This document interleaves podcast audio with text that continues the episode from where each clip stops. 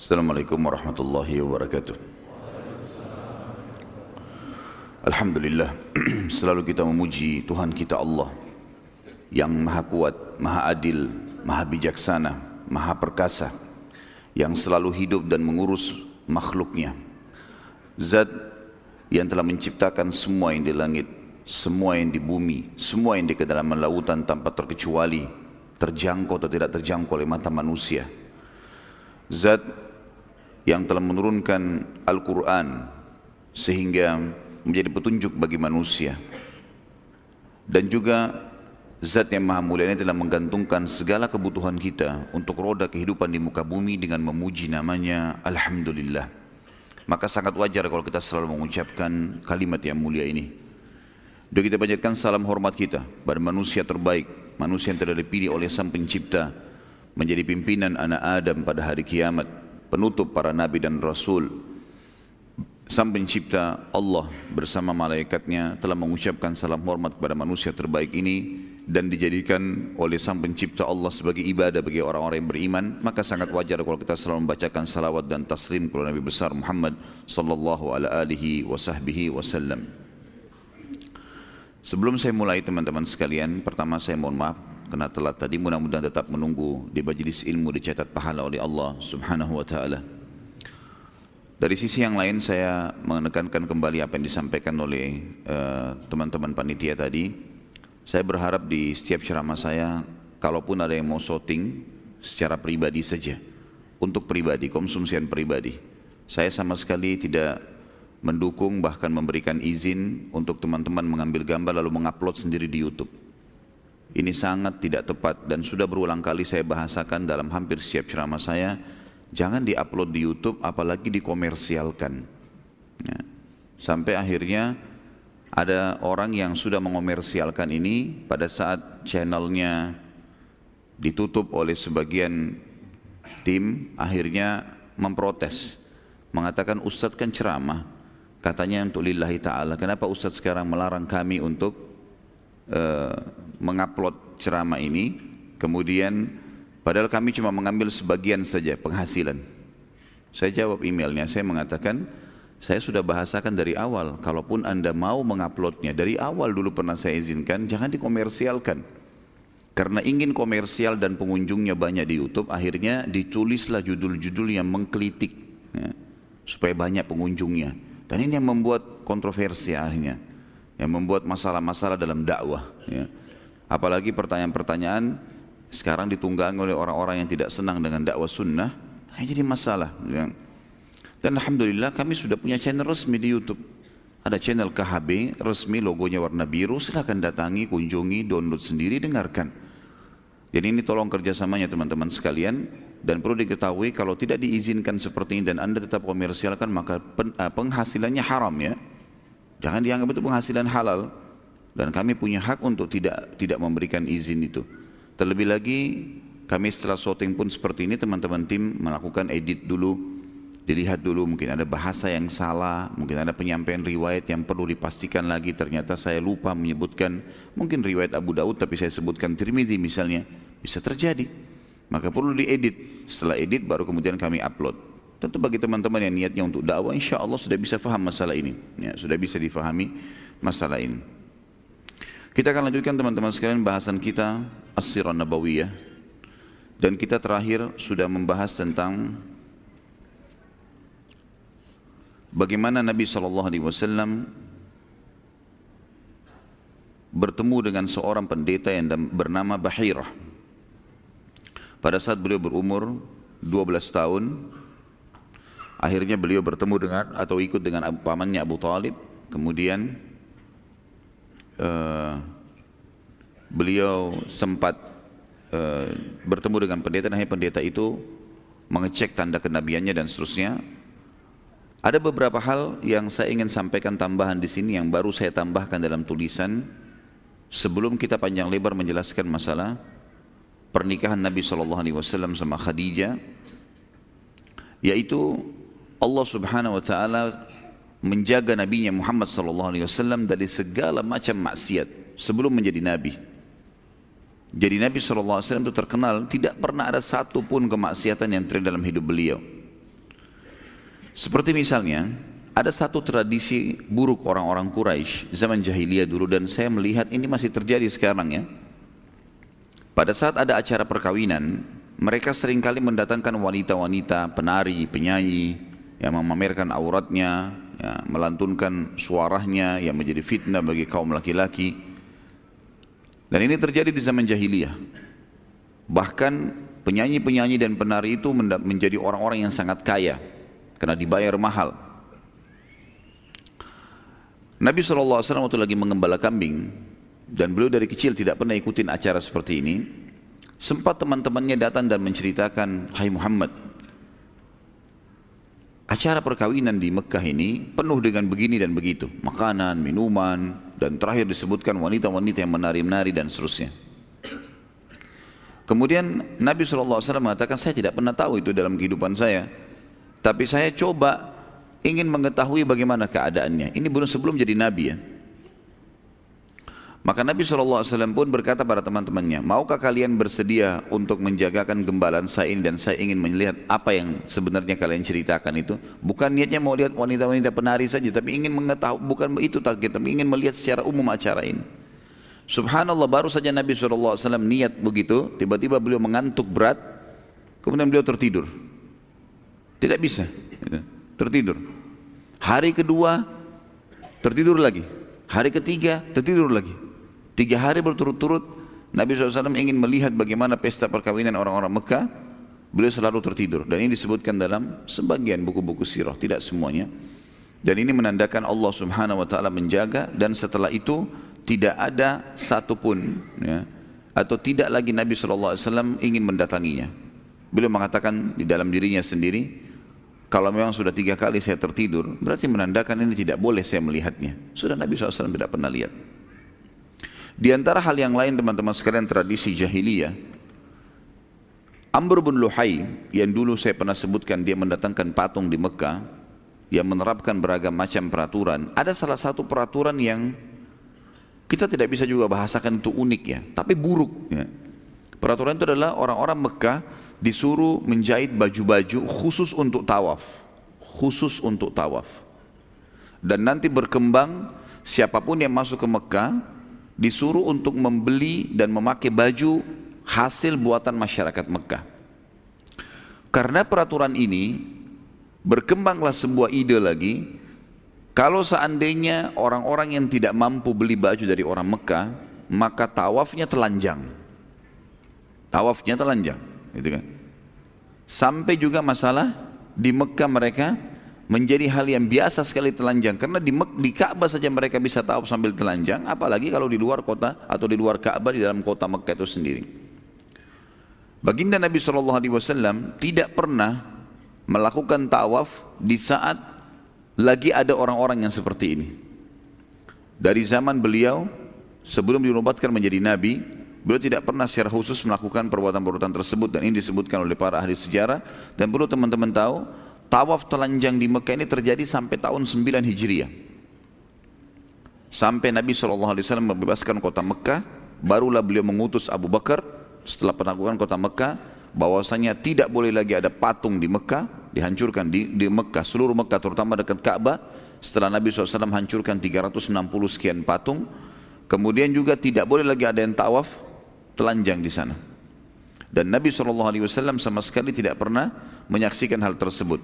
Sampai tradisi kaum laki-laki di Mekah dulu teman-teman sekalian kalau pakai baju itu menggunakan izar tanpa rida. Izar itu maksudnya bagian bawah kayak kita sarung atau celana. Dan bagian atas mereka tidak pakai baju biasanya. Artinya kebanyakan tradisi orang seperti itu.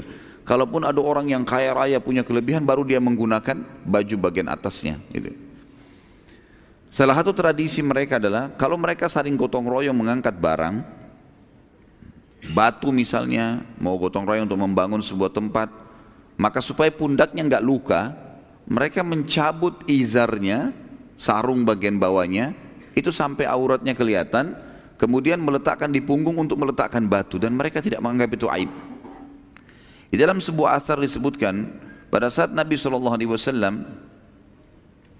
mau mengangkat batu membantu sebagian keluarganya yang sedang membangun, maka orang-orang pada ngangkat batu-batu besar dan Nabi SAW ikut partisipasi mengangkat batu besar itu. Kemudian tiba-tiba saja pamannya datang mengatakan Hai Muhammad Salah satu pamannya tidak disebutkan namanya dalam riwayat ini Tapi dikatakan salah satu pamannya mengatakan Hai Muhammad Kalau tidak salah namanya Zubair di sini. Ya, Salah satu paman Nabi SAW Mengatakan bahwasanya Hai Muhammad tidakkah kau buka izarmu Dan kau letakkan di punggungmu agar punggungmu tidak luka? Maka Nabi SAW mengatakan saya tidak melakukannya Beliau pun mengangkat batu tersebut meletakkan Kemudian sebagian orang melakukan itu Maka Nabi SAW meninggalkannya Nabi SAW meninggalkannya Kemudian yang terjadi juga sebelum masa kenabian teman-teman sekalian yang menandakan Allah Subhanahu wa taala yang menjaga nabinya Muhammad sallallahu alaihi wasallam adalah partisipasinya Nabi SAW di peperangan Fujar. Peperangan Fujar, ya. Dan ini tentu teman-teman harus kita rentet historinya ya. Dari zaman beliau masih kecil, bagaimana beliau hidup yatim, kemudian bagaimana beliau belajar kepemimpinan setelah dibina atau dididik oleh kakeknya Abdul Muttalib selama dua tahun dari enam tahun karena ibunya meninggal pada saat beliau SAW berumur 6 tahun 6 tahun sampai 8 tahun pamannya eh, kakeknya Abdul Muttalib yang merupakan Raja Mekah pada saat itu atau yang merupakan pemimpin Mekah yang eh, Nabi SAW dibawa naungannya dan Nabi hadir di majelis-majelisnya dalam memecahkan perkara-perkara orang Mekah dilatih oleh Allah secara histori kehidupan untuk menjadi seorang pemimpin.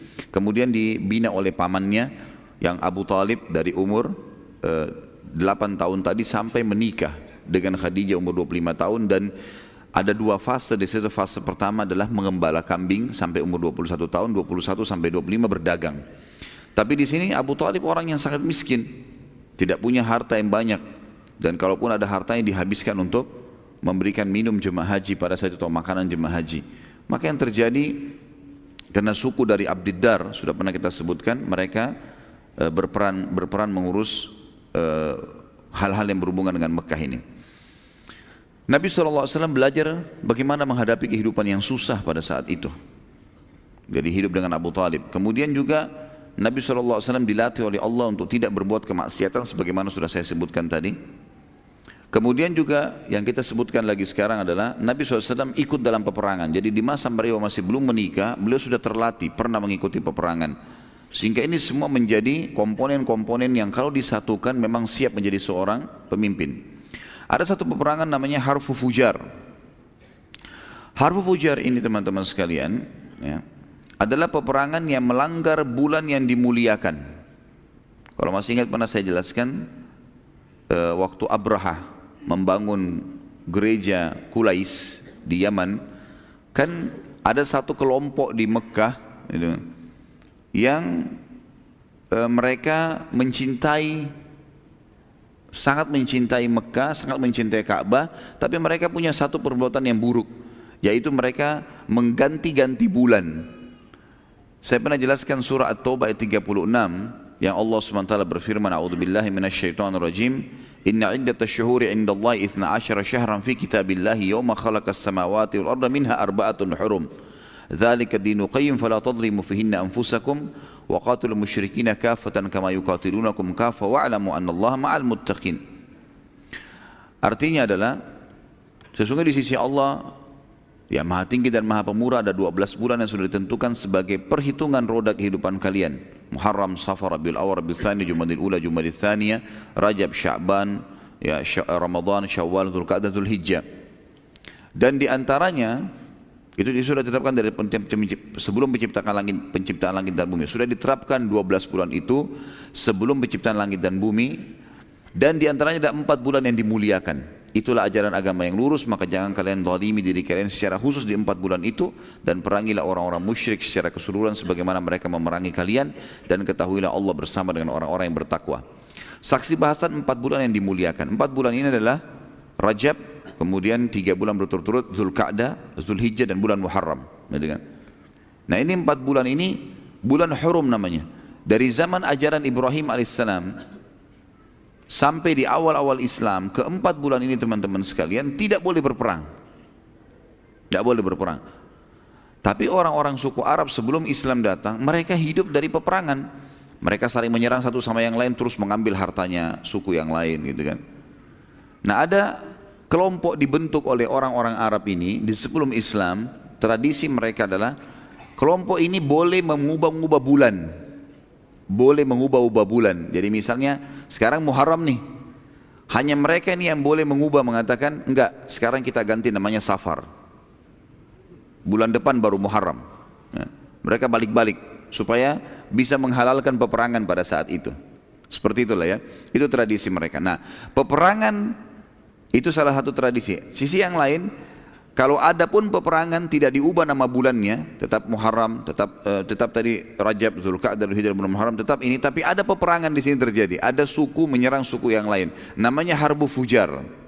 Namanya Harbu Fujar. Dianggap peperangan yang bermaksiat. Itulah. Fujar dari kata-kata fajir, fajara. Ya. Nabi SAW pernah menghadiri itu. Jadi ada pernah suku Hawazim namanya. Suku Hawazim ini menyerang Mekah, menyerang Quraisy. Ya. Ini waktu Nabi SAW masih umur belasan tahun ini. Waktu beliau masih jadi penggembala. Kemudian Nabi SAW partisipasi dan beliau satu-satunya riwayat membicara masalah ini adalah hadis sahih yang kata Nabi SAW, Kuntu ambulu li a'mami. Aku pada saat harbu fujar itu sedang uh, mengambilkan anak-anak panah untuk pamanku ya. Ditaruh dikasih Nabi SAW kasih pamannya pamannya yang melemparnya seperti itulah yang jelas beliau partisipasi dalam peperangan dan ahli sejarah mengatakan bahwasanya ini juga pendidikan Allah Subhanahu wa taala agar Nabi SAW tahu tentang masalah peperangan itu. Selanjutnya teman-teman sekalian, juga hal yang luar biasa partisipasinya Nabi SAW dalam hilfu fudul namanya. Hilfu fudul. Hilf adalah sumpah ya. Halafa yang kata Nabi SAW man halafa bighairi la faqad asyrak. Siapa yang bersumpah selain nama Allah maka dia telah musyrik gitu kan. Hilf halafa atau orang Arab mengatakan ahlifu billah aku bersumpah atas nama Allah.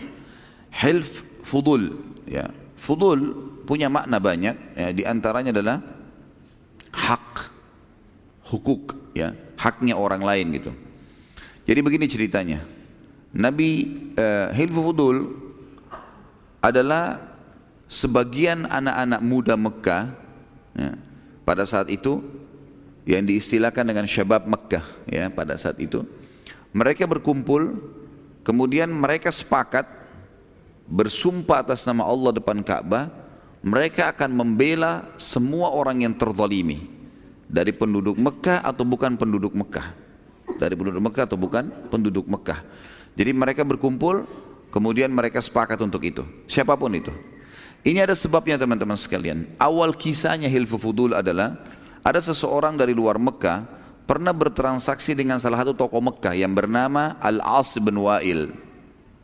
Siapa ini As bin Wa'il? Ayahnya Amr bin As. Amr bin As radhiyallahu anhu masuk Islam. Al-As bin Wa'il ini tidak gitu kan. Al-As bin Wa'il ini salah satu tokoh Mekah. Pernah dia transaksi dengan satu orang pendatang dari luar Mekah, kemudian dia nggak mau bayar. Sudah diambil semuanya baik, saya beli ini semua di bawah semuanya sudah ditaruh di gudangnya. Kemudian tiba-tiba pada saat pembayaran dia bilang nggak, saya nggak mau bayar. Orang ini sendirian, nggak ada pembelahnya gitu dari luar kota Mekah. Maka pada saat itu teman-teman orang ini pun datang ya, menyampaikan kepada orang-orang Quraisy nggak ada yang hiraukan. Tokoh Quraisy nggak ada yang hiraukan. Sampai akhirnya dia menyebutkan dengan syairnya, sungguh Al-As telah berbuat kezaliman dan tidak memberi hakku. Bila kalian wahai para Quraisy tidak menolongku, maka berarti kalian bersamanya dalam hal ini dan akan aku sebarkan kezaliman ini pada seluruh bangsa Arab. Para tokoh Quraisy waktu itu sempat waktu mendengarkan syair dan syair pada saat itu luar biasa ya, sama dengan kita sekarang media. Setiap ada syair baru selalu saja diperebutkan oleh orang untuk dihafal, baik atau buruk. Sampai kadang-kadang kalau kita dan saya tidak sarankan tentunya, syair-syair masa jahiliyah itu luar biasa sampai merincikan tentang wanita. Bagaimana wanita yang indah itu, bagaimana dalam syair-syair mereka. Gitu kan. Jadi ini seperti media kalau kita sekarang cepat sekali menyebar. Orang-orang Quraisy hanya takut dengan syair-syair itu, akhirnya mereka diam, terdiam. Muncullah beberapa anak muda Mekah, masing-masing memiliki yang ayah-ayah mereka juga kepala-kepala suku, yang akhirnya bersumpah di depan Ka'bah dan akan melawan kezaliman, walaupun harus, walaupun harus menumpahkan darah mereka. Ada ahli sejarah yang mengatakan sebab dinamakan hilfu fudul, sumpah fudul karena fudul ini adalah nama gabungan nama dari tiga orang yang pertama membentuk hilfu fudul. Semua namanya fadl, semua namanya fadl.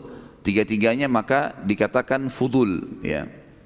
Tapi yang ini yang lebih kuat bukan itu. Yang lebih kuat adalah fudul artinya hak, ya. Haknya orang-orang. Para pemuda ini sebagaimana saya bilang tadi sepakat akan membela siapa pun yang terzalimi di Mekah walaupun harus mengorbankan jiwa mereka dan mereka mengiklankan itu ke seluruh Mekah dan menjadikan sebagai program siapa pun yang mau ikut dibuka. Dan Nabi SAW termasuk salah satu pemuda yang ada di Hilfu Fudul. Nabi SAW bergabung sama mereka untuk membela semua kezaliman.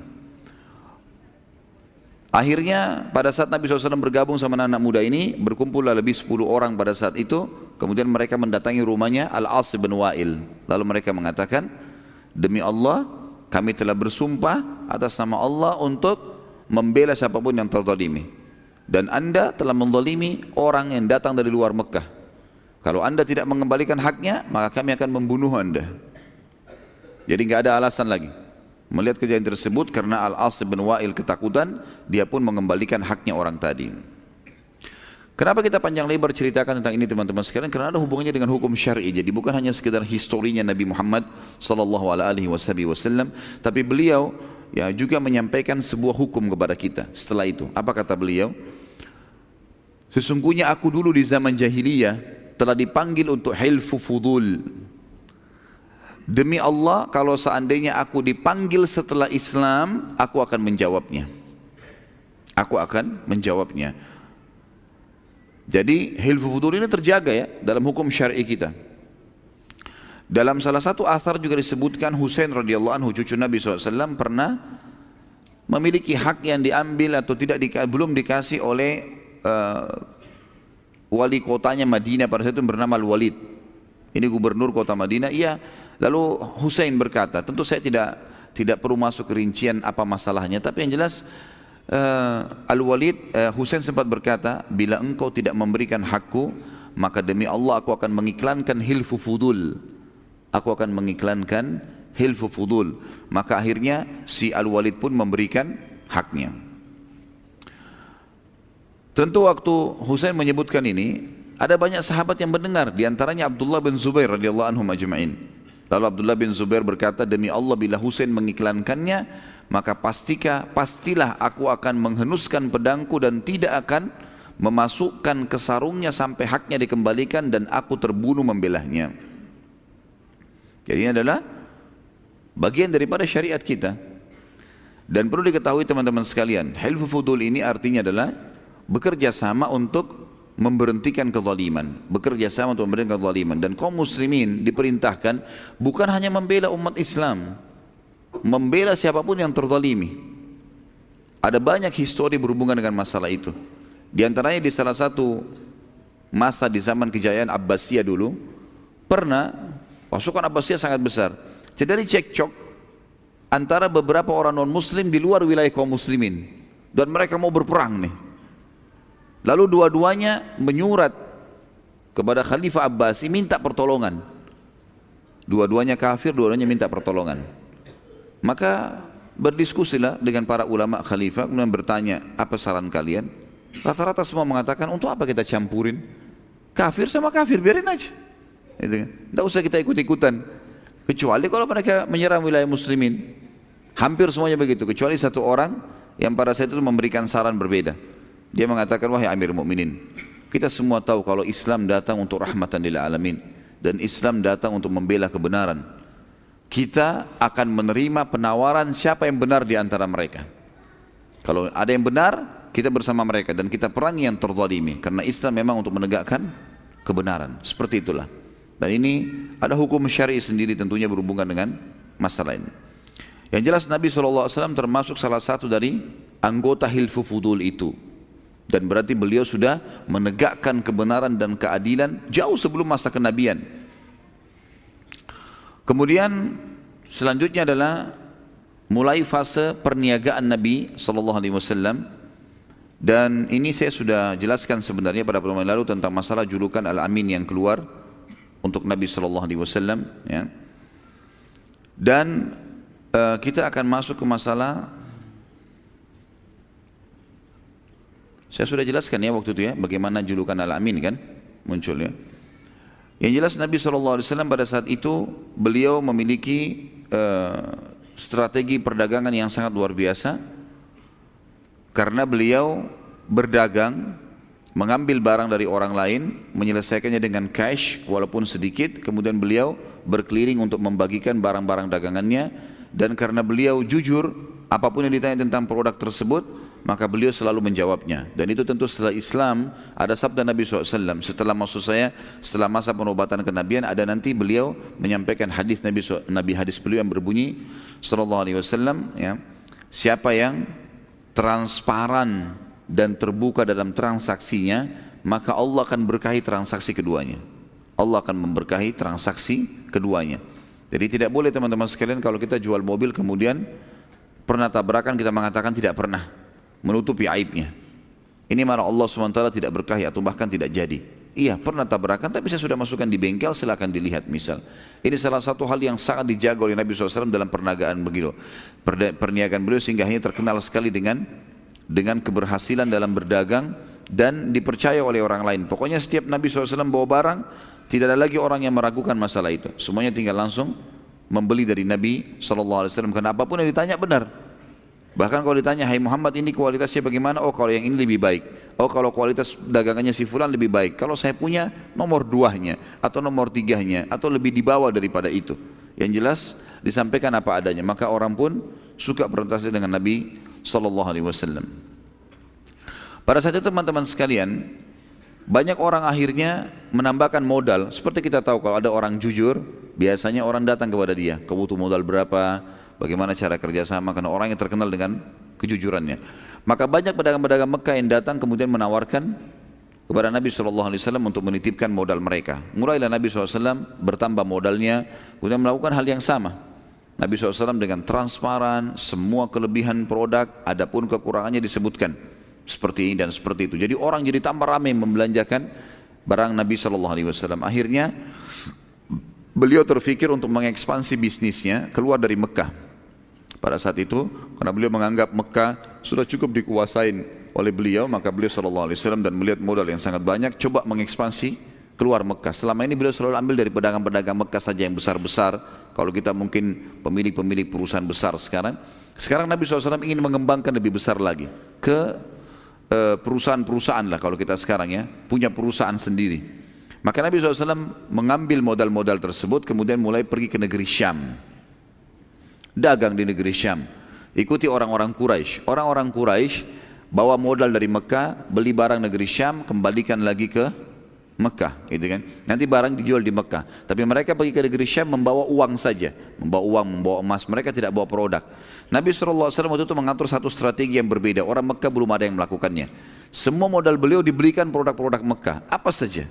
Apa saja yang boleh dibawa dibeli oleh Nabi SAW. Semua uang itu, semua modal dijadikan benda. Kemudian beliau bawa ke negeri Syam, lalu beliau berdagang di negeri Syam, barang-barang Mekah itu. Orang-orang di negeri Syam tidak mengenal produk Mekah selama ini.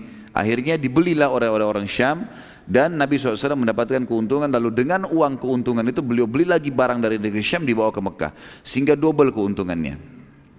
Makin masyhurlah nama Nabi SAW akhirnya bergabunglah seorang wanita kaya Mekah Khadijah radhiyallahu anha pada saat itu tentunya belum masuk Islam belum ada Islam dan dikatakan dalam buku-buku sejarah, Khadijah ini teman-teman sekalian memiliki harta sendirian dia itu lebih banyak atau bahkan berimbang dengan hartanya seluruh pedagang Mekah. Saking kayanya gitu kan. Orang terkaya Mekah, hartanya Khadijah radhiyallahu sendiri digabung semua pedagang-pedagang Mekah hartanya itu baru sama dengan hartanya Khadijah. Bahkan Khadijah mungkin lebih banyak daripada itu. Khadijah pun akhirnya menitipkan hartanya kepada Nabi Shallallahu Alaihi Wasallam. Coba, ya, dan Khadijah ingin memastikan tentang kejujuran yang terkenal itu. Beliau menitipkan seseorang yang bernama Maisarah. Maisarah ini sahaya, hamba sahayanya beliau. Eh, kemudian menitipkan kepada Nabi SAW. Maisarah selama perjalanan terkagum-kagum dengan Nabi SAW. Di antara yang membuat dia sangat kagum adalah beberapa fenomena alam yang terjadi dan bagaimana akhlaknya Nabi SAW. Di antaranya adalah perilaku Nabi SAW dengan Maisarah beda sekali dengan perilaku siapa pun pada saat itu yang menjadi majikan atau tuan bagi seluruh sahaya. Kebanyakan mereka tuh kasar berkata-kata, suka perintah-perintah sembarangan, kadang-kadang sering dipukul, kadang-kadang marah sedikit nggak diberikan makan, gitu kan. Kemudian kalaupun ada keuntungan, ada segala, tidak pernah ada bagi, tidak ada sesuatu yang dikasih. Gitu. Maka berbeda sekali dengan Nabi SAW. Nabi kalau makan, panggil Maisarah makan bersama-sama. Nabi SAW kalau istirahat, panggil Maisarah istirahat di sebelahnya. Nabi SAW mengajak ngomong seperti temannya sendiri. Selalu saja begitu, dari pergi sampai pulang. Perjalanan dari Mekah ke negeri Syam sebulan. Kan? Itu pun kalau menggunakan kuda yang tercepat. Kalau orang membawa kafilah dagangan lambat, bisa dua bulan perjalanan. Jadi selama dua bulan perjalanan, Nabi SAW selalu bermuamalah yang baik dengan dia. Pulang juga begitu. Kemudian fenomena alam yang terjadi adalah sepanjang jalan dia kaget melihat semuanya Ya, kafilah-kafilah di depan ada kelihatan di sana kelompok kafilah sekian puluh ekor unta di sana lagi kafilah banyak padang pasir yang sangat luas. Tapi kafilah Nabi SAW ini yang kebetulan itu cuma Nabi sendiri yang jaga beberapa ekor unta dengan maisara itu dinaungi oleh awan, dinaungi oleh awan. Tidak panas, padahal lagi terik sekali matahari. Kok bisa awan ini cuma ada di atas kafilah Nabi SAW itu maisara saksikan sendiri. Pada saat itu lagi terjadi dan sudah sampai di negeri Syam, kalau teman-teman masih ingat kisah Bahira, ya, pendeta yang pada saat melihat tanda kenabian Nabi SAW di umur 12 tahun itu, subhanallah dengan hikmah Allah, Nabi SAW pada saat itu umurnya sudah sekitar 24 tahun SAW, itu lewat di depan gereja yang sama. Gereja yang dulu dimiliki oleh Bahira, tapi Bahira sudah meninggal dunia. Dan banyak murid-muridnya Bahira situ, pendeta-pendeta yang lain yang sudah memang terbina oleh Bahira ini. Dan selalu diingatkan oleh Bahira ingat ini masa keluarnya kenabian. Dan perhatikan baik-baik kafilah-kafilah Arab itu. Karena Nabi terakhir itu akan keluar dari kota Mekah sana. Ini kafilah-kafilah mereka yang sering bolak-balik perhatikan baik-baik. Kalau ada kejadian-kejadian yang unik maka pastikan apakah ada di antara mereka manusia yang sedang kita cari itu? Salah satu pimpinan pendeta pada saat itu melakukan hal yang Bahira sering lakukan. Setiap hari nongol di jendela uh, gereja ngelihat kafilah-kafilah yang lewat. Karena memang ini jalurnya mereka lewat. Gitu kan? Terkagetkan pendeta ini pada saat melihat kafilah Nabi Shallallahu Alaihi Wasallam. Ini kafilah satu-satunya yang cuma dua orang. Untanya banyak sekali. Tapi cuma dua orang. Dan semua kelihatan dari jauh matahari lagi terang. Semuanya kafilah yang berserakan yang sangat banyak. Beda dengan kafilah Nabi SAW ini ada awan di atasnya menaunginya. Dan ada sebuah pohon di sebelah gereja. Konon ceritanya para Bahira dan temannya ini membangun gereja di situ karena mengetahui tentang histori pohon itu. Histori pohon itu disebutkan dalam Injil dinukil oleh para penginjil ini sebelum sebelum sebelum Nabi SAW diutus tentunya. Kalau ada pohon di situ yang pohon ini mereka tahu semua nabi turun di situ. Pohon ini setiap nabi pasti akan mampir di pohon itu. Dan pohon ini subhanallah dengan hikmah Allah tidak pernah ada yang mampir di situ kecuali nabi-nabi gitu kan. Pada saat Nabi SAW mau istirahat, beliau pun duduk di bawah pohon itu. Ada satu pohon di dekat gereja, pohon kurma, cuma satu pohon. Itu Nabi SAW duduk di situ.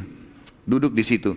Kemudian kafilahnya, unta-untanya disandarkan, Maisarah dipanggil duduk di sebelahnya. Kejadian yang luar biasa pada saat itu disaksikan oleh kepala pendeta adalah pohon kurma itu tiba-tiba menunduk, ya, menunduk dan terlihat sekali sangat jelas, kemudian menutupi Nabi SAW dari panas. Maka dia pun penasaran dan dia berkata, ini mungkin salah satu tanda. Dia pun akhirnya keluar, kemudian coba melihat peluang kapan Nabi SAW berpisah dengan Maisara. Maisara sempat pamit sama Nabi SAW ingin mencari kalau kita mungkin tempat buang air gitu kan keluar. Maka oleh pendeta ini dikejar. Lalu dia berkata, Hai Fulan tunggu sebentar. Berhentilah Maisara. Ditanya, kalian dari mana? Saya dari Mekah. Siapa yang bersamamu ini? Seseorang dari kota Mekah, tokoh Mekah yang bernama Muhammad dan dia punya kafilah dagang gitu kan. Lalu mulailah pendeta ini menanyakan banyak hal. tentang siapa namanya, siapa ibunya, siapa ayahnya, segala macam ditanya tentang Nabi SAW secara terinci. Dan semua yang dijelaskan oleh Maisara yang dia tahu, kalau dia adalah keturunan yang baik, ibunya meninggal pada saat dia masih enam tahun, ayahnya meninggal pada saat dia di rahim ibunya, kakeknya bina, eh, sekarang bersama pamannya, dan seterusnya, gitu kan? Dan dia terkenal sekali dengan julukan Al-Amin di Mekah. Semua ini ciri-ciri disebutkan yang diketahui oleh pendeta ini adalah ciri kenabian. Lalu kemudian Pendeta ini pun uh, setelah pertanyaan yang banyak kepada Maisarah dan dia penasaran, uh, maka dia mengatakan baiklah kalau begitu. Saya berterima kasih atas pendapatmu ini dan saya coba ya uh, akan menyampaikan kepada teman-teman di dalam gereja gitu. Terus si Maisarah bilang sebentar, boleh saya nanya nggak? Iya. Apa rahasia pertanyaan anda tadi? Kenapa anda bertanya seperti itu? Lalu dia mengatakan, pendeta itu mengatakan, dan ini membuat Maisarah kaget dan nanti ini yang akan disampaikan kepada Khadijah pada saat pulang ke Mekah yang mendorong Khadijah mau menikah dengan Nabi Sallallahu Alaihi Wasallam. Salah satu faktornya itu. Maka dia mengatakan ketahuilah wahai anak muda karena Maisarah masih muda masih belasan tahun berumur seperti ini di bawah sedikit dari Nabi SAW. Ketahuilah menurut keyakinan kami dan apa yang kami dapatkan dalam Injil tidak ada yang turun di bawah pohon ini kecuali seorang Nabi kecuali seorang nabi.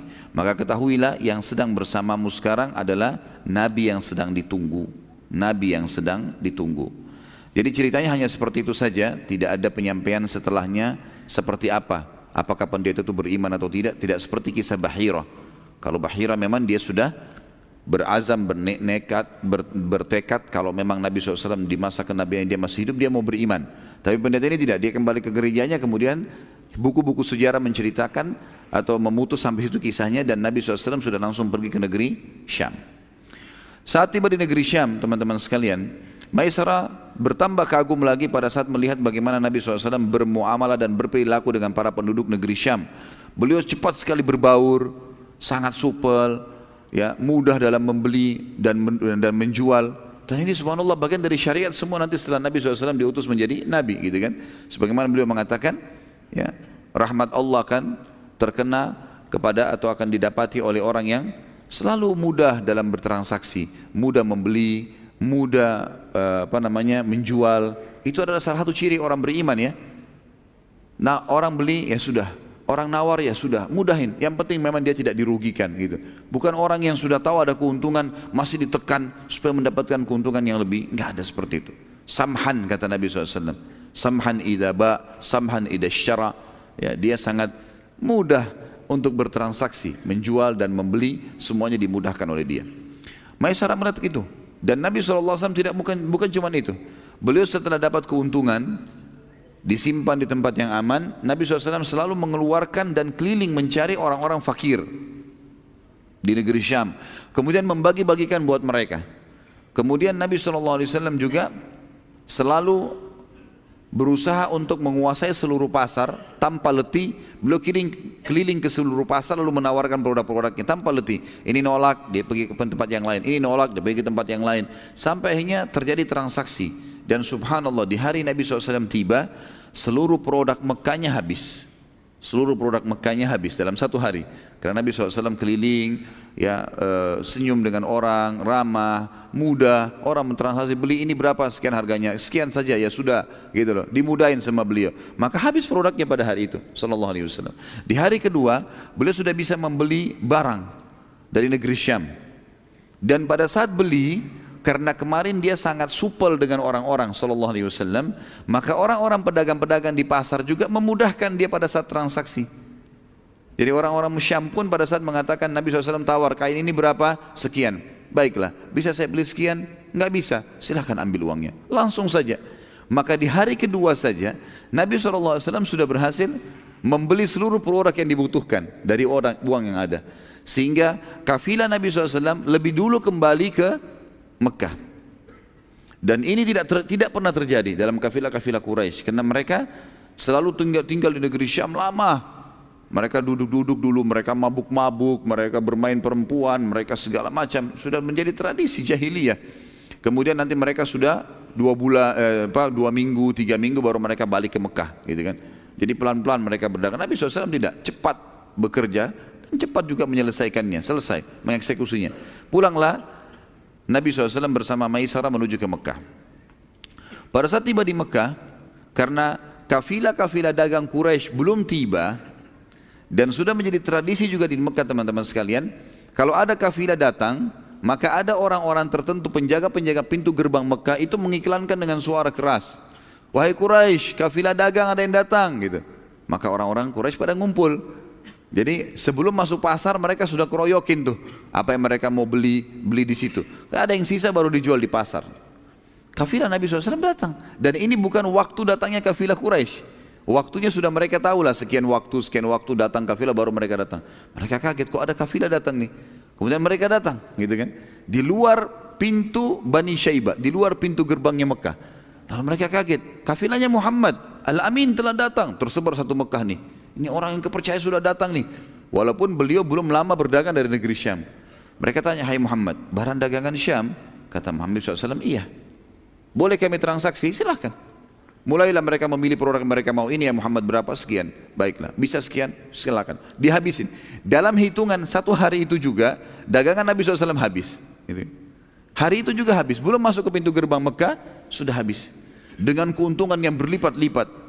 Maka Nabi SAW dimudahkan oleh Allah Subhanahu Wa Taala dengan akhlak yang baik dan wajar Allah mengatakan dalam surah Al-Qalam, "A'udzu billahi minasyaitonir wa innaka ala khuluqin 'azim." Maksudnya kau Muhammad secara fitrah kau memiliki akhlak yang sangat luar biasa. Mulia sekali Nabi SAW selalu cenderungnya kepada kebaikan. Kejadian ini akhirnya tersebar di negeri Mekah, di kota Mekah pada saat itu kafilah Muhammad Al-Amin datang Kemudian habis dagangannya dan orang-orang Mekah puas dengan dagangan itu. Nabi SAW pada hari yang sama tidak menunda sama sekali walaupun dalam kondisi capek pergi ke rumah Khadijah menyampaikan amanahnya. Ini adalah amanahnya, ini uangnya. Dan bukan cuma Khadijah karena banyak sekali orang menitipkan uang pada saat itu. Semua diantarkan pada hari itu. Nabi SAW tidak tidur kecuali sudah menyampaikan semua amanah. Ini modalnya, ini keuntungannya, ini modalnya, ini keuntungannya. Semua selesai pada hari itu. Karena dalam kondisi capek, datang dari safar. Ini sebuah adab yang luar biasa teman-teman bagi pedagang ini. Jangan tunda-tunda pembayaran, jangan tunda-tunda pengembalian hak orang lain. Langsung pada saat itu kita bisa tidur tenang. Kalau meninggal pun jadi aman gitu kan. Maka dibagilah. Karena kejadian ini makin harum nama Nabi SAW. Dan Khadijah pun tidak pakai menunggu lagi. Langsung bertanya kepada Maisarah.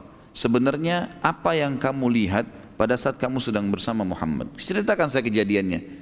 Apa yang terjadi? Kenapa kafirnya datang lebih dulu dari dari negeri Syam? Baga apa yang terjadi pada saat kamu sedang di sana, gitu kan? Bagaimana dia bermuamalah dengan orang-orang, gitu. Maka pada saat itu Maisarah menceritakan semua apa yang dia lihat dari kasus jalan, ada naungan awan, dari kasus pohon yang nunduk, dari kasus pertanyaan pendeta, dari kasus Nabi SAW sudah membeli barang-barang dari Mekah, kemudian menjualnya di negeri Syam, dan bagaimana dia bermuamalah dengan sangat mudah, bertransaksi, kemudian dalam satu hari habis semua produknya, hari kedua dia sudah beli produk lagi, kemudian beliau juga segera pulang ke Mekah, Lalu kemudian di, di, di, di pintu gerbang Bani Syaibah sudah diperbutkan oleh masyarakat Mekah dan mereka puas semua dengan harganya. Dan pada hari yang sama sudah dibagikan keuntungannya. Maka pada saat itu perlu digarisbawahi teman-teman bahwasanya Khadijah radhiyallahu anha ini walaupun pada saat itu berumur 40 tahun tapi terkenal sekali dengan kecantikannya. Dan ini mungkin sudah menjadi sesuatu yang yang fitrah ya. Kalau seseorang yang berlimpah hartanya maka segala kebutuhan terpenuhi itu berpengaruh kepada masalah terlihat tertua atau tidak. Karena orang biasa kalau punya beban hukum, eh, beban masalah ekonomi, masalah-masalah yang dihadapin, kadang-kadang berpengaruh kepada raut wajah. Ya, seperti itulah kurang lebih rasionalnya, gitu ya. Maka Khadijah terkenal sekali dengan kecantikannya dan selalu dilamar oleh banyak orang Mekah, walaupun beliau sudah menjadi janda pada saat itu. Dan orang-orang yang ditolak ini terkenal si fulan, si fulan melamar Khadijah ditolak tersebar beritanya. Khadijah nolak, nggak mau karena punya kecantikan, punya kekayaan. Ini orang terkaya Mekah. Baru pertama kali pada saat itu Khadijah yang meminta mau mau meminta kepada Nabi SAW untuk menikahinya. Dan ini belum pernah terjadi. Khadijah selalu menolak lamaran orang gitu. Maka Khadijah berkata kepada Maisarah pada saat itu setelah menceritakan, saya akan berbicara sesuatu nanti dengan orang yang akan menyambung lidah saya kepada Muhammad. Cuma bahasa begitulah kurang lebih. Jadi karena Maisarah seorang laki-laki, Khadijah tidak berbicara masalah pernikahan. Lalu Khadijah pun mencari siapa kira-kira orang yang paling pantas untuk uh, diajak ngomong. Ditemukanlah seorang sahabatnya bernama Nafisa. Nafisa sahabat dekatnya Khadijah. Lalu berkata Khadijah, wahai Nafisa, apa kamu sudah tahu cerita tentang uh, apa namanya Muhammad? Oh belum, kata Nafisa. Kata Khadijah ceritanya begini loh. Begini, begini, begini, diceritain semua panjang lebar yang secara cerita. Lalu Nafisa juga kaget. Seperti itu kah Khadijah? Dia bilang iya. Dan saya punya niat sesuatu yang saya ingin kamu yang menyampaikannya. Kata Nafisa apa itu? Saya ingin agar engkau menyampaikan kepada Muhammad untuk melamarku. Ah, kata Nafisa, selama ini kau nolak tokoh-tokoh Mekah yang kaya raya, sekarang kau minta Muhammad untuk melamarmu? Artinya Nabi SAW memang waktu itu pedagang, tapi bukan sekelas levelnya orang-orang nomor satunya Mekah yang melamar Khadijah kemudian ditolak, gitu kan? Maka pada saat itu kata Khadijah, iya, saya bersedia kalau Muhammad mau menjadi suami saya. Maka Nafisa pun tidak menunda mengatakan urusan saya, saya akan pergi. Maka waktu itu Nafisa pun mendatangi rumah Nabi Shallallahu Alaihi Wasallam.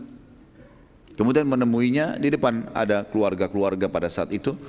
Di antaranya tentu ada Abu Talib pamannya, kemudian ada sepupu-sepupunya gitu kan. Lalu Nafisa mengatakan, wahai Muhammad, mengapa engkau belum menikah?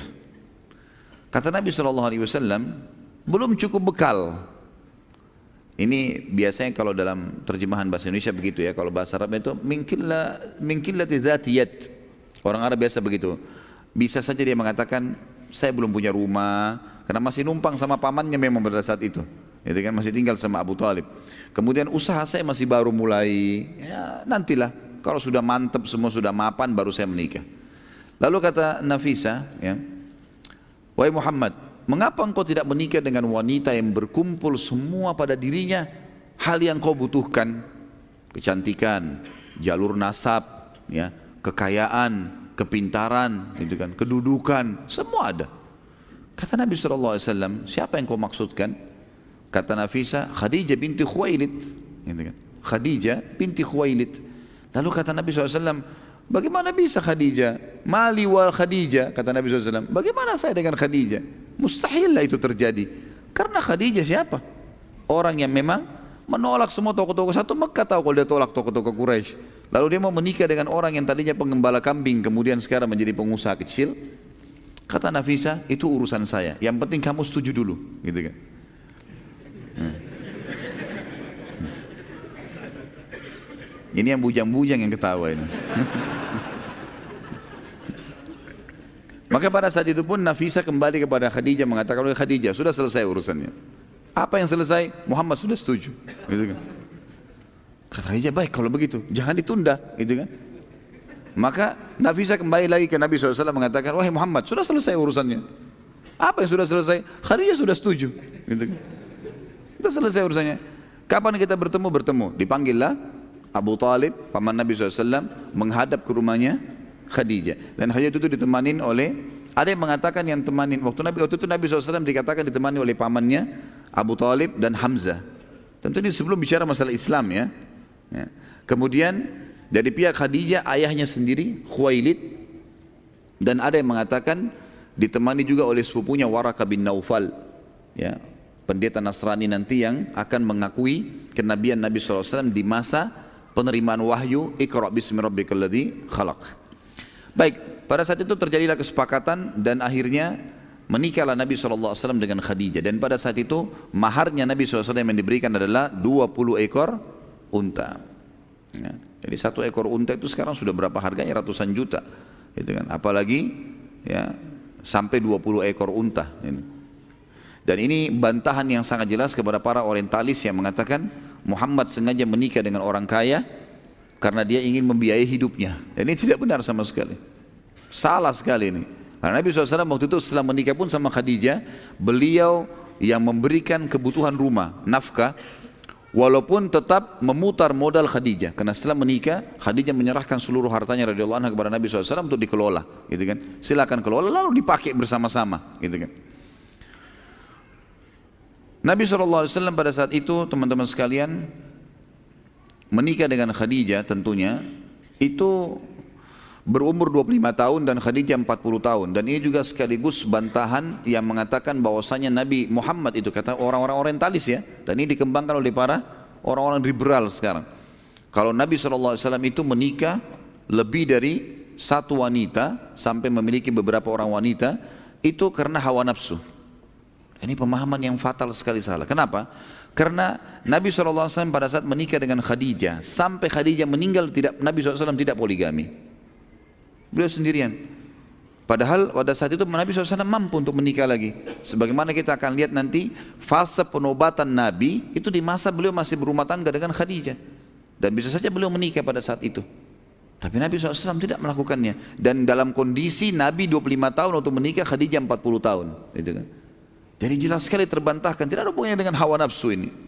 Dan kita lihat Nabi SAW menikah setelah meninggalnya Khadijah.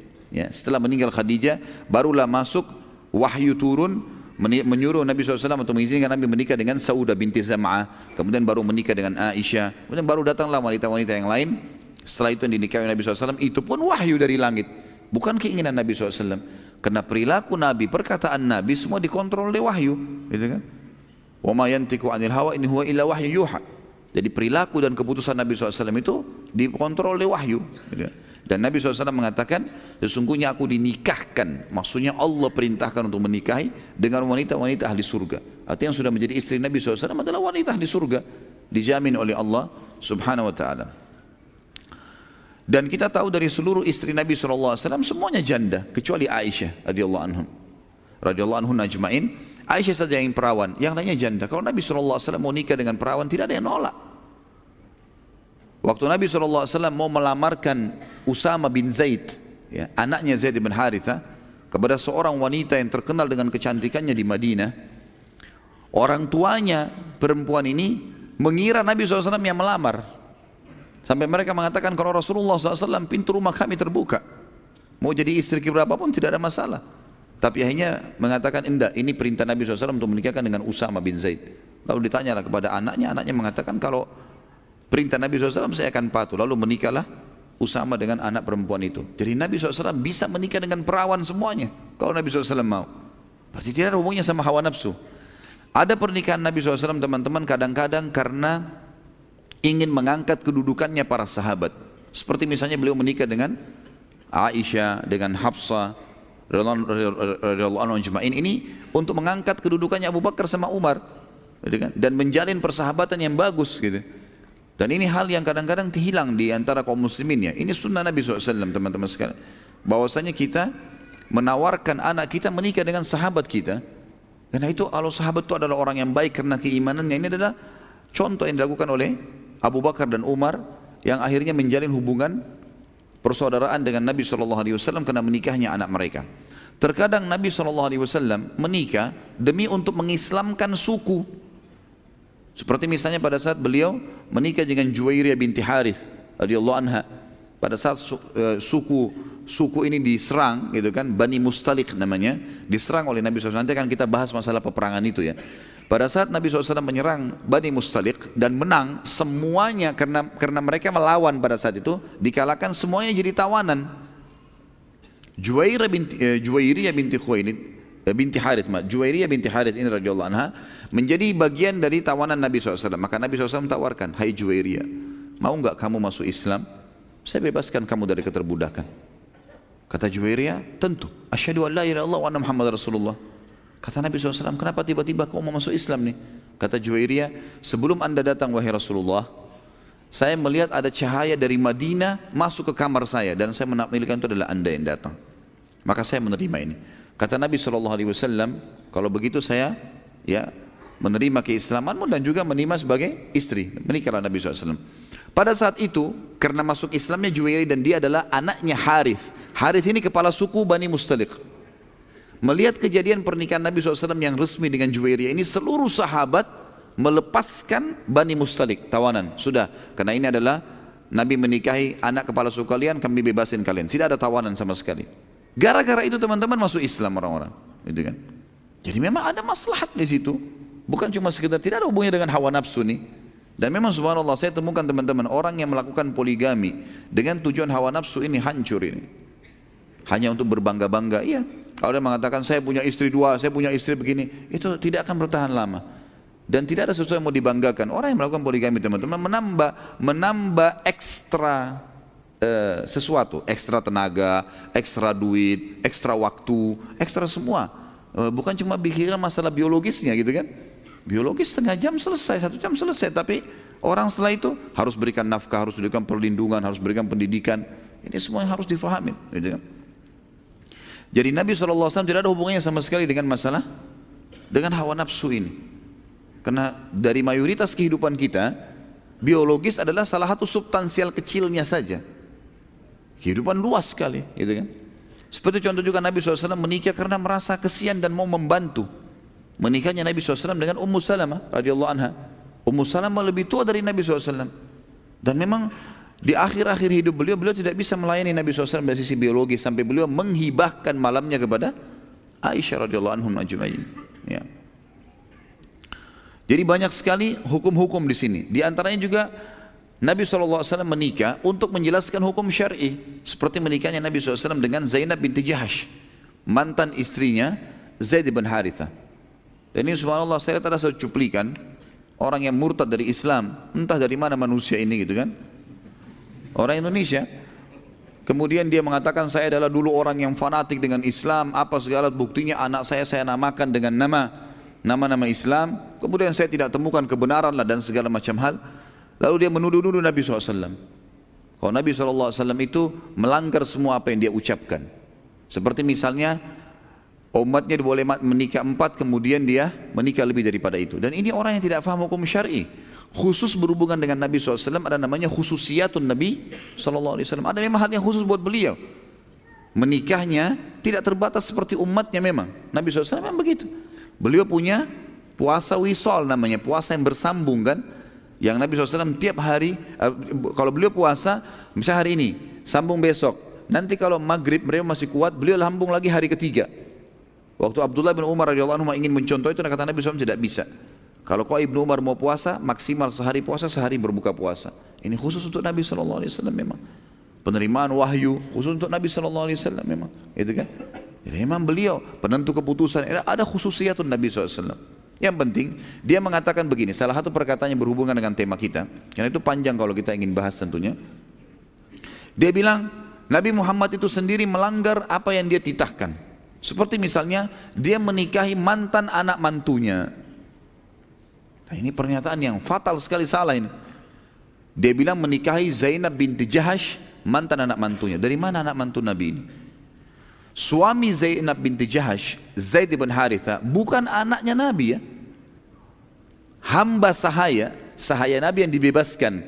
Pernah ternisbatkan namanya Zaid bin Haritha menjadi Zaid bin Muhammad karena waktu itu Nabi SAW, nanti akan kita ceritakan kisahnya itu ke depannya, itu pernah Haritha datang lalu mencari tahu mana anaknya mencari tahu mana anaknya keliling karena Haritha adalah orang yang terkenal di sukunya kemudian dia pun keliling mencari waktu terjadi peperangan antara suku dia dengan suku yang lain dikalahkan sukunya Haritha ini kemudian ditawanlah semuanya termasuk Zaid ini Dijuallah Zaid dari pasar ke pasar sampai di pasar Mekah. Khadijah beli. Waktu sudah menikah dengan Nabi SAW Khadijah. Lalu kemudian Zaid bin Haritha dihadiahkan oleh Khadijah untuk Nabi SAW.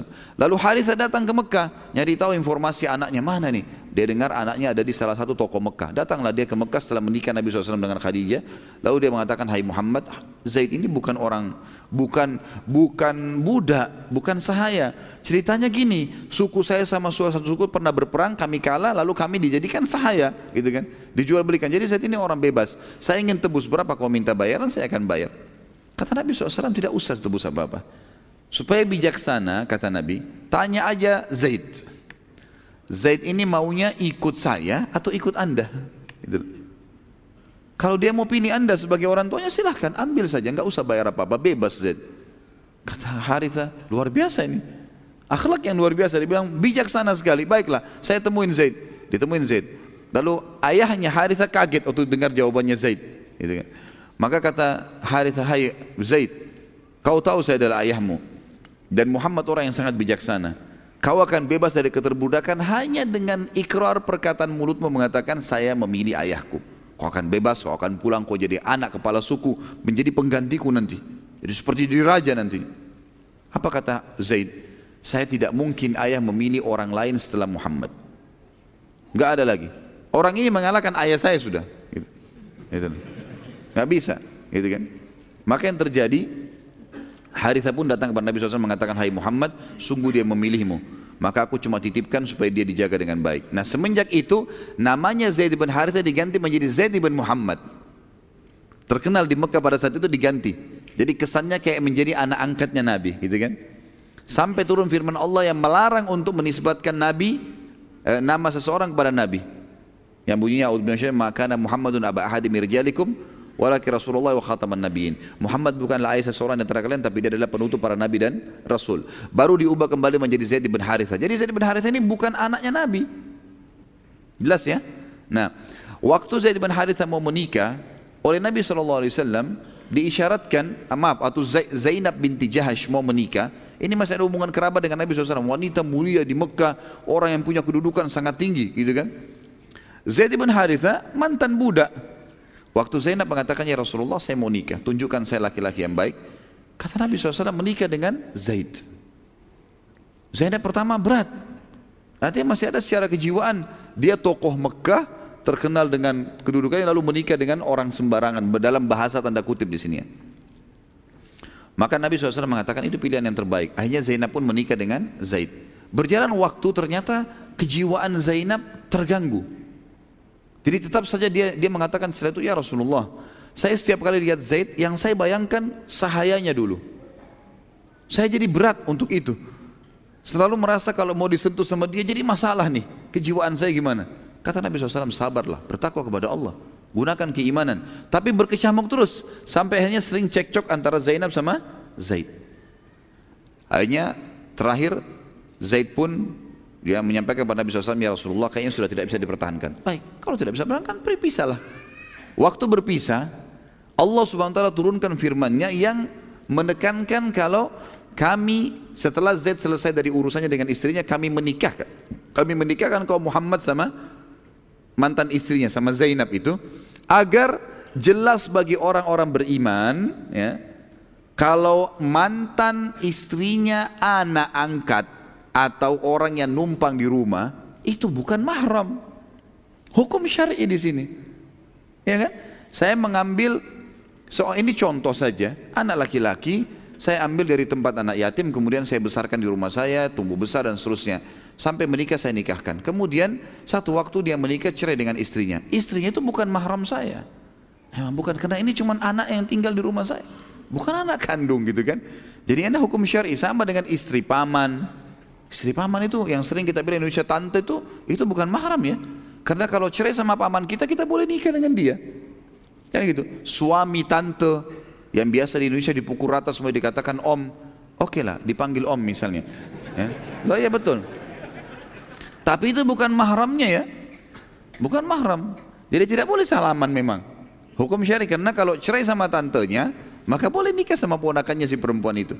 Yang tidak boleh menggabungkan dalam poligami, ponakan sama tante itu hukum syar'i.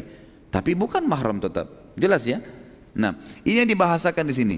Jadi kadang-kadang Nabi SAW menikah memang untuk wahyu menyampaikan penjelasan hukum. Seperti pernikahan Nabi SAW dengan Zainab binti Jahash radhiyallahu anha. Dan ini sudah jelas sekali dalam firman Allah surah An-Najm surah nomor 53 ayat 3 sampai ayat 4 yang Allah berfirman tadi saya sebutkan minasyaitonir wa ma yantiqu anil hawa in huwa illa wahyu yuha. Muhammad ini tidak pernah mengucapkan Al-Qur'an menurut kemauan sendiri termasuk kata para sebagian ulama tafsir adalah perilaku-perilaku Nabi sallallahu alaihi wasallam dipandu oleh Al-Qur'an. Ucapannya itu, perilakunya itu tidak lain hanyalah wahyu yang diwahyukan kepadanya. Allah subhanahu wa ta'ala mengaruniakan Nabi SAW dari Khadijah diberkahi pernikahannya sehingga dikaruniakan enam orang anak. Dua laki-laki dan empat perempuan. Laki-laki yang sudah jelas Qasim makanya julukan Nabi SAW Abul Qasim. Dan Qasim meninggal yang lebih kuat riwayat sebenarnya dikatakan masih kecil tapi ada riwayat menjelaskan pada uh, meninggal di umur dia sudah bisa menunggangi kuda. Dan itu di zaman dulu uh, sekitar umur 7 sampai 8 tahun Kemudian Abdullah menikah di umur sekitar dua tahun ke bawah. Lalu kemudian empat anak perempuan Nabi SAW, Ruqayyah, Ummu Kalthum, Zainab dan Fatimah radhiyallahu anhum ajma'in ini semua adalah uh, hidup bersama Nabi SAW dan akan kita sebutkan nanti mereka termasuk adalah orang-orang yang beriman kepada baginda Nabi SAW.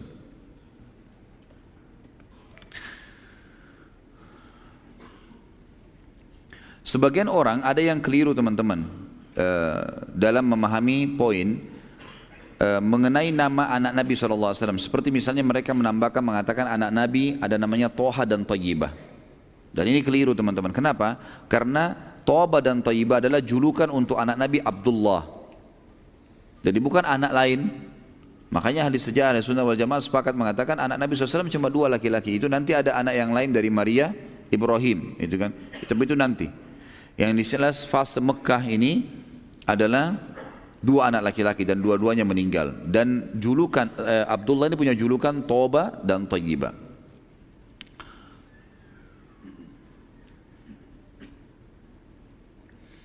nanti dari Maria setelah insya Allah eh, penabakan kenabian segala ada istri Nabi SAW yang lain Maria ini akhirnya memiliki anak namanya Ibrahim dan Ibrahim meninggal juga di umur dua tahun Maaf, belum dua tahun, satu tahun lebih, masih masa menyusui. Karena ada hadis Nabi SAW berbunyi mengatakan, sesungguhnya Allah memberi Ibrahim, anak ini yang baru meninggal, pengganti penyusu di surga. Ya, itu bahasa Nabi SAW tentang masalah itu. Tentu setelah menikahnya Nabi SAW dengan Khadijah, maka kedudukan beliau makin mulia. Ya. Dan sekarang Nabi SAW pindah dari fase kehidupan yang susah bersama Abu Talib tadi sudah merasakan bagaimana kehidupan miskin gitu kan bagaimana merasakan hidup kerja keras gitu kan dan sekarang pindah ke fase kehidupan orang terkaya di Mekah jadi Nabi SAW sudah lalui semuanya nih hidup susah, hidup bekerja. Sekarang ini orang terkaya di Mekah yang menjadi istri beliau. Rumahnya sangat mewah, segala macam ada. Nabi SAW juga sudah melalui fase kehidupan itu. Baik, kita akan masuk teman-teman sekalian. Kejadian yang lain adalah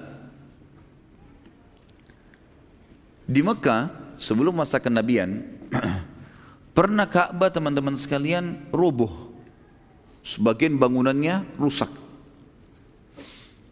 Rusaknya Ka'bah ini disebutkan oleh ahli sejarah berselisih mereka tentang masalah penyebabnya. Tapi kalau kita gabungkan semua intinya Ka'bah pada saat itu rusak dan mau dibangun. Ada yang menyebutkan bahwasanya sebabnya karena ini memang sebelum Islam ya. Jadi memang dilihat fase-fase sejarah sebelum Islam gitu. Maka eh, Mekah sempat tertimpa banjir yang besar pada saat itu dan ini juga memang kita eh, perlu tahu Ka'bah itu berada di lereng gunung dan dihimpit oleh gunung. Makanya kalau tidak salah kalau tidak salah tahun 1940 sekian itu pernah hujan lebat Mekah dan akhirnya banjir juga karena lembah memang, lembah mudah banjir di situ ya. Ini penyebab yang pertama yang disebut oleh ahli sejarah. Penyebab yang kedua adalah ada seorang wanita dari penduduk Mekah, dia membawa dupa, tempat bakaran dupa yang ada bara apinya, kemudian dia bawa niatnya ingin mewangikan orang lagi tawaf gitu kan. Tapi rupanya waktu dia mendekati Ka'bah, arangnya itu tumpah, jatuh dan Ka'bah waktu itu ada kiswah sehingga terbakar kiswah tersebut dan akhirnya susah untuk dipadamkan lagi. Karena di Mekah tidak semudah itu mendapatkan air gitu kan. Maka terbakarlah dan rubuhlah sebagian bangunannya. Penyebab yang ketiga adalah banyaknya kiswah yang ditimpakan di atas Ka'bah. Jadi kiswah ini kan kain Ka'bah. Setiap ada tokoh-tokoh Mekah datang selalu Kayak raja misalnya dia datang, dia mengatakan belikan kiswah buat Ka'bah, taruh di atas kiswah. Jadi Ka'bah ini disusun-susun kiswahnya. Saking banyaknya kiswah, sampai puluhan bahkan ratusan kiswah di situ, membuat bangunannya nggak bisa tahan karena beratnya kain itu. Akhirnya robohlah bangunan Ka'bah itu. Gitu kan. Tentu tidak roboh semua ya, tapi sudah roboh sebagiannya dan terbuka bagian atasnya. Ini yang disebutkan oleh para ahli sejarah tentunya. Kemudian penduduk Mekah teman-teman sekalian, intinya itu adalah sebab-sebabnya ya. Penduduk Mekah lalu segera berkumpul, kemudian mencari jalan keluar, kira-kira bagaimana cara membangun Ka'bah. Namun pada saat itu masyarakat Mekah tidak tahu membangun bangunan yang kuat, yang terbuat dari batu, kayak kita sekarang batu disusun, itu mereka tidak tahu. Makanya tradisi rumah-rumah Mekah dulu semua dari tanah liat saja. Tanah liat. Dan tanah liat itu hanya dikeringkan, dikenakan matahari, kemudian mereka tempel-tempelin, susun-susun. Seperti itu saja. Enggak lebih daripada itu. Makanya rumah-rumah mereka itu sering kali dalam hitungan seminggu, dua minggu, sebulan diperbaharui lagi, pasang lagi tempel tanah baru lagi. Seperti itulah. Cuma tanah liat saja. Gitu kan? Dan di atas, di bagian atap itu tidak ada yang ditutup. Enggak ada bagian atap. Mereka hanya meletakkan pelapa-pelapa kurma saja. Pelapa-pelapa kurma saja. Baik. Pada saat itu teman-teman sekalian, ini tentu yang dinukil oleh Pak Haris Sejarah ya tentang masalah itu. Tapi Intinya mereka tidak bisa membangun dengan batu dan juga mereka tidak tahu bagaimana menguatkan bangunan dengan kayu. Padahal kayu-kayu juga bisa bisa didatangkan tapi mereka tidak bangun pada saat itu. Para pemuka Mekah coba mencari informasi bagaimana caranya supaya kita buat bangunan yang kuat, jangan seperti rumah-rumah kita ini. Dan mereka setelah mencari informasi bagaimana membangun dengan batu, mereka tidak temukan satupun ada kalau kita sekarang insinyur yang bisa membangunnya, Kemudian juga mereka tidak punya kayu. Ada seseorang dengan hikmah Allah mendengar bahwasanya ada kapal, kapal kayu besar, tenggelam kapal itu, semua penumpangnya mati, nggak ada lagi pemiliknya, gitu kan? Kemudian kapal itu muncul lagi di permukaan. Tapi sudah nggak dihiraukan, nggak ada orang hiraukan lagi. Itu ada di pelabuhan kalau sekarang Jeddah, gitu kan?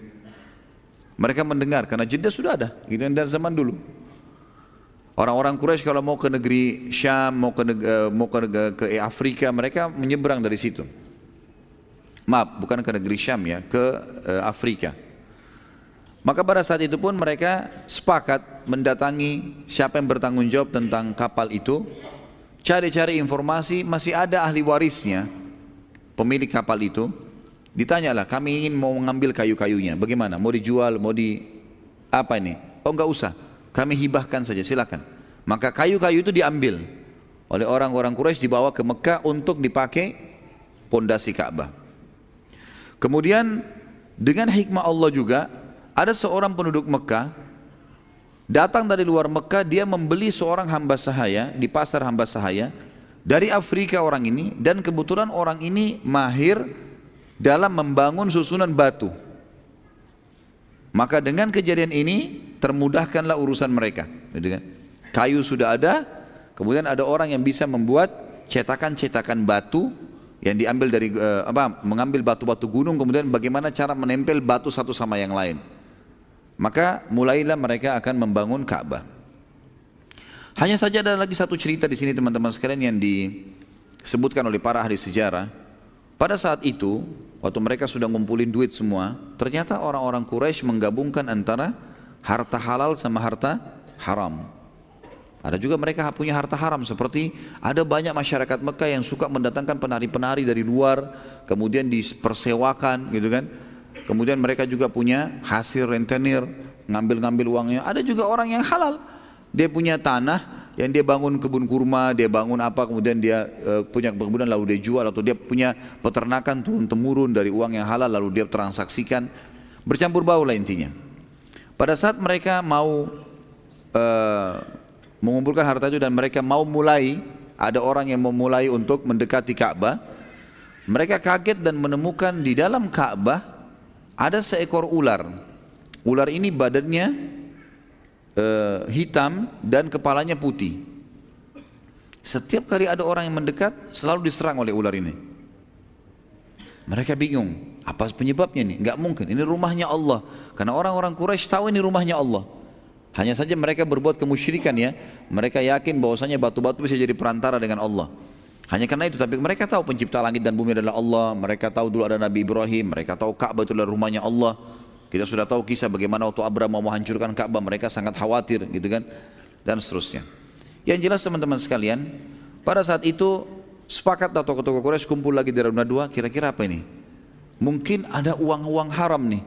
Keluarkan uang-uang haramnya, dikeluarkanlah uang-uang haram itu. Dikeluarkan uang-uang haram itu. Sampai tinggal uang halal saja.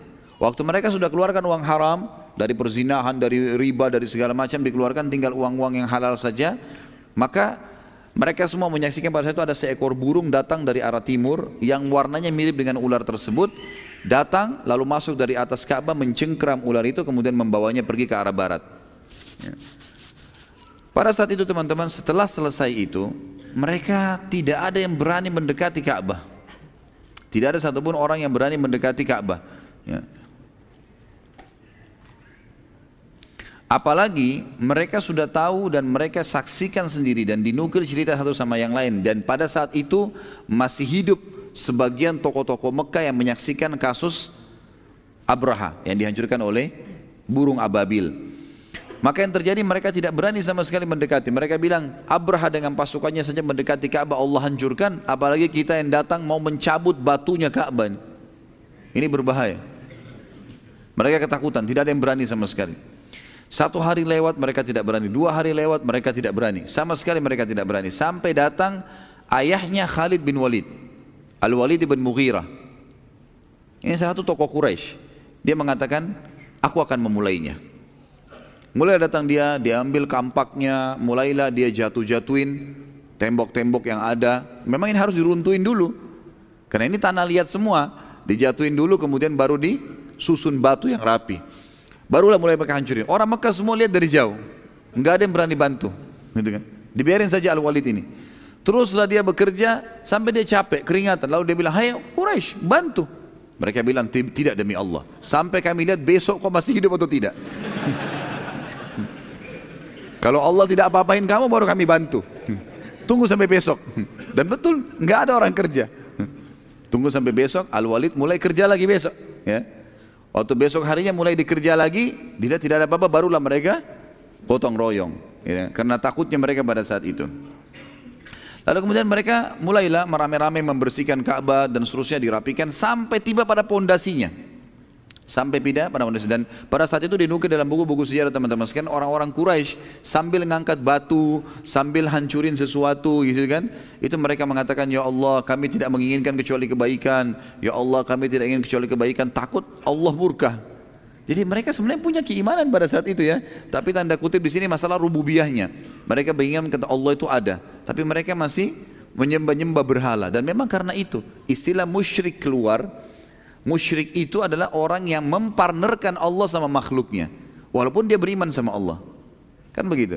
Yang, jadi mereka ini sama. Orang yang kekal di api neraka nanti adalah orang kafir, orang musyrik, orang munafik. Musyrik adalah orang-orang yang mungkin beriman sama Allah. Tapi mereka masih mempartisipasikan Allah dengan makhluknya. Saya katakan dalam tulisan saya teman-teman, dari kisah ini, di, di kisah tadi, terdapat pelajaran yang agung bahwa bagaimana penduduk Mekah mengenal Allah yang Maha Suci dan sangat yakin kalau Ka'bah adalah rumahnya sehingga mereka memuliakannya. Hanya saja mereka mempartisipasikan Allah Maha Suci dalam hal ibadah e, dengan makhluknya yang merupakan benda mati yaitu batu. Berapa banyak muslimin terjerumus dalam perilaku yang sama di zaman kita sekarang? Mereka yakin Tuhan mereka Allah Maha Suci Hanya saja mereka masih meminta-minta kepada benda mati seperti kuburan, pohon dan juga tulisan Yang dikultuskan memiliki kekuatan Seperti jimat-jimat dan segala. Ini adalah sama dengan perilaku orang-orang Quraisy dulu. Apa bedanya? Makanya dalam ayat-ayat Al-Quran Allah mengatakan A'udzubillahi minasyaitonirrajim kepada Nabi SAW Wa idha sa'altahum man khalaqas samawati wal ard wa sakhara syamsa wal qamar la yakuluna Allah. Hai, hai Muhammad kalau kau tanya orang-orang Quraisy itu yang menolak dakwamu Siapa yang menciptakan langit dan bumi dan mengurusnya serta menciptakan dan mengurus matahari dan bulan mereka akan mengatakan Allah dan mereka tahu ada Allah. Terus ditanya, tanya kalau gitu hai Muhammad, kenapa mereka sembah-sembah berhala itu? Mereka tahu batu yang mereka pahat-pahat sendiri. Ngapain mereka sembah? Allah sebutkan juga melalui lisan mereka, "Ma na'buduhum illa liyuqarribuna ilallahi zulfa." Kami enggak sembah berhala-berhala ini kecuali kami jadikan perantara antara kami dengan Allah dan Allah tidak butuh perantara benda mati, gitu kan? Allah taala memang meminta kita agar selalu langsung berdoa padanya, gitu kan? Kecuali memang yang Allah Subhanahu wa taala perintahkan. Seperti kita disuruh sujud menghadap Ka'bah.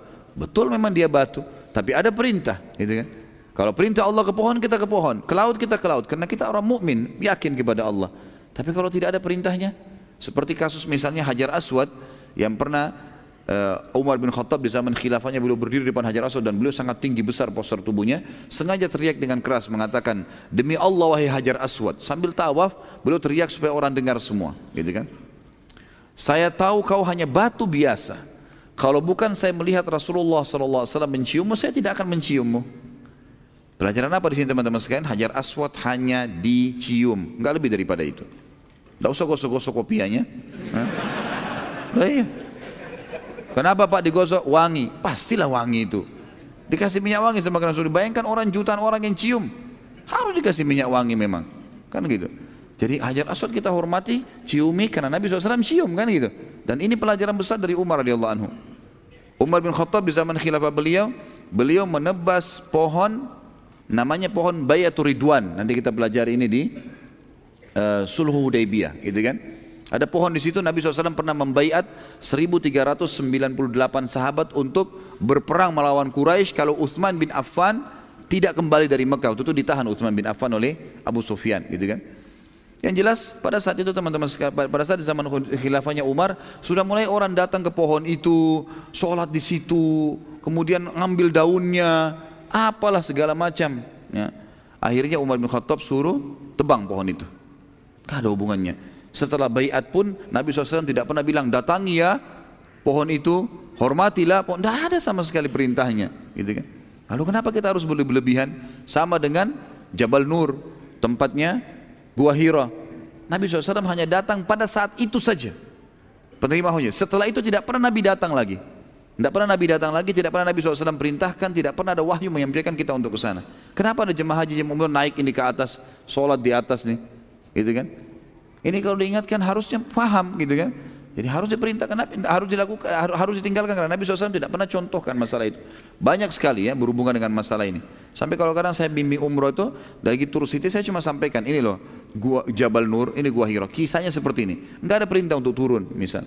Sama dengan Jabal Thur, tempat Nabi SAW bersembunyi sebelum hijrah ke Madinah. Nanti akan kita sebutkan dalam materi hijrah ke Madinah. Jadi memang harus difahami ini teman-teman sekalian. Baiklah. Pada saat tiba di dasar Ka'bah, teman-teman sekalian, penduduk Mekah dalam beberapa buku sejarah disebutkan menemukan ada batu hijau warnanya. Disebutkan begitu. Batu warna hijau dan sangat besar batu itu. Mereka tadinya ingin mengangkat batu itu dan memang mau menggali sampai ke dasar sekian dasar untuk membangun pondasi yang kuat. Tapi waktu mereka coba menancapkan ya alat mereka dan di, di, di, coba dibongkar dengan sebagian orang dan terangkatlah batu tersebut, tiba-tiba dari bawah batu itu keluar cahaya yang sangat terang yang sampai menyilaukan mata mereka. Dan pada saat itu tiba-tiba saja alat mereka tercabut dan batu itu tertutup kembali. Maka semua Quraisy sepakat mengatakan jangan ada yang ganggu, biarkan pada tempatnya itu. Lalu mulailah mereka bangun di atas itu. Mulailah mereka bangun di atas pondasi yang sudah ada itu. Dibangunlah Ka'bah. Karena biaya yang sedikit teman-teman sekalian, akhirnya Ka'bah tidak bisa lagi sebesar awal. Di zaman Ibrahim alaihissalam, kalau kita ibaratkan misalnya laptop ini, ini contoh saja. Jangan dipelintir lagi perkataan saya ya. Ini contoh saja kalau ini Ka'bah, di sebelah Ka'bah kan ada Hijr Ismail, ada cekungan gitu kan. Dulu Ka'bah itu besarnya sampai Hijr Ismail. Waktu awal sebelum roboh sebesar itu dari zaman Ibrahim alaihissalam. Tapi karena tadi duitnya nggak cukup tadi saya bilang, tinggal uang halal, maka bangunan Ka'bah hanya seukuran yang sekarang. Hanya seukuran sekarang. Nah ada lengkungan itu dibuat lengkungan sebagai isyarat kalau ini juga Ka'bah. Kan termasuk sunnah Nabi SAW sholat di dalam Ka'bah. Nabi SAW pernah datang ke Mekah lalu sholat di dalam Ka'bah waktu pembebasan kota Mekah. Beliau sholat dalam Ka'bah. Sunnah Nabi SAW. Ibnu Umar pernah mengerjakannya. Jadi kalau kita mau sholat dalam Ka'bah sekarang nggak mungkin pintunya ditutup kan, karena terlalu banyak manusia sekarang. Kalau dibuka nanti akan jadi fitnah, gitu kan? Banyak kan masya Allah ahli pahat ya. Nah, nanti Ka'bahnya dipahat-pahat sembarangan nanti jadi masalah. Maka di hijir Ismailnya itu kalau orang sholat sama sholat dalam Ka'bah. Makanya oleh kerajaan Saudi sekarang dibuatin lengkungan itu dipasang pintu. Dan itu kalau sudah mau iqamah sholat ditutup, nggak bisa orang masuk lagi sholat. Karena kalau antum sholat situ, antum di depannya imam. Loh iya, itu dalam Ka'bah berarti kan gitu. Baiklah, ini cekungan ini berarti bagian dari Ka'bah. Sabda Nabi SAW yang masyhur dalam hadis sahih beliau mengatakan kepada Aisyah, wahai Aisyah, laula anna qaumiki hadithu ahdi bil Islam, labanaitu Ka'bah ala qawaid Ibrahim. Kalau bukan wahai Aisyah kaummu orang baru mengenal Islam, maksudnya orang-orang Mekah yang penduduk Mekah karena Aisyah dari Mekah radhiyallahu anha, maka pasti aku akan membangun Ka'bah, memasukkan itu sesuai dengan pondasi awalnya Ibrahim. Karena Nabi SAW tidak bongkar, Nabi cuma bilang begitu pada Aisyah, tidak ada yang berani bongkar. Abu Bakar, Umar, sampai sekarang tidak ada yang berani bongkar, gitu kan? Dibiarkan saya dalam kondisi yang sama. Tapi ini historinya seperti itu. Baiklah, bangunlah Ka'bah tapi besarnya menjadi seperti sekarang ukurannya, bukan lagi pondasi yang awal. Sudah selesai dibangun semuanya dengan susunan batu, dengan dimasukkan kayu di antaranya segala macam. Sudah selesai, sudah rapi. Maka sekarang tinggal bagaimana meletakkan hajar aswad. Posisinya tetap sama. Kalau sekarang kan sudah ada lengkungan besinya. Zaman dulu nggak ada. Cuma ditempelin begitu saja hajar aswad itu. Dan hajar aswad dulunya besar ya. Dulunya besar. Sekarang hajar aswad itu sudah mengecil teman-teman sekalian. Maksudnya saya mengecil ini kalau antum memang punya kesempatan Allah mudahkan mencium hajar aswad. Antum lihat ke dalam nanti akan lihat ada serpihan-serpihan batu itu. Ada serpihan batu. Itu, batu, itu hajar-hajar aswad yang asli. Jadi pernah ada karamitah orang-orang yang berfaham syiah dulu pernah menyerang uh, Mekah kemudian membunuh banyak muslimin kemudian mengambil hajar aswad dibawa ke negeri mereka gitu kan dan pada saat mereka dikalahkan barulah batu itu dibawa kembali dan memang sudah terpecah. Gitu. seperti itulah ya. Yang jelas hajar aswad ini teman-teman sekalian pada saat mau ditaruh di tempatnya tiba-tiba saja pada saat itu orang-orang Quraisy berselisih ya. Berselisih siapa yang menaruh hajar aswad.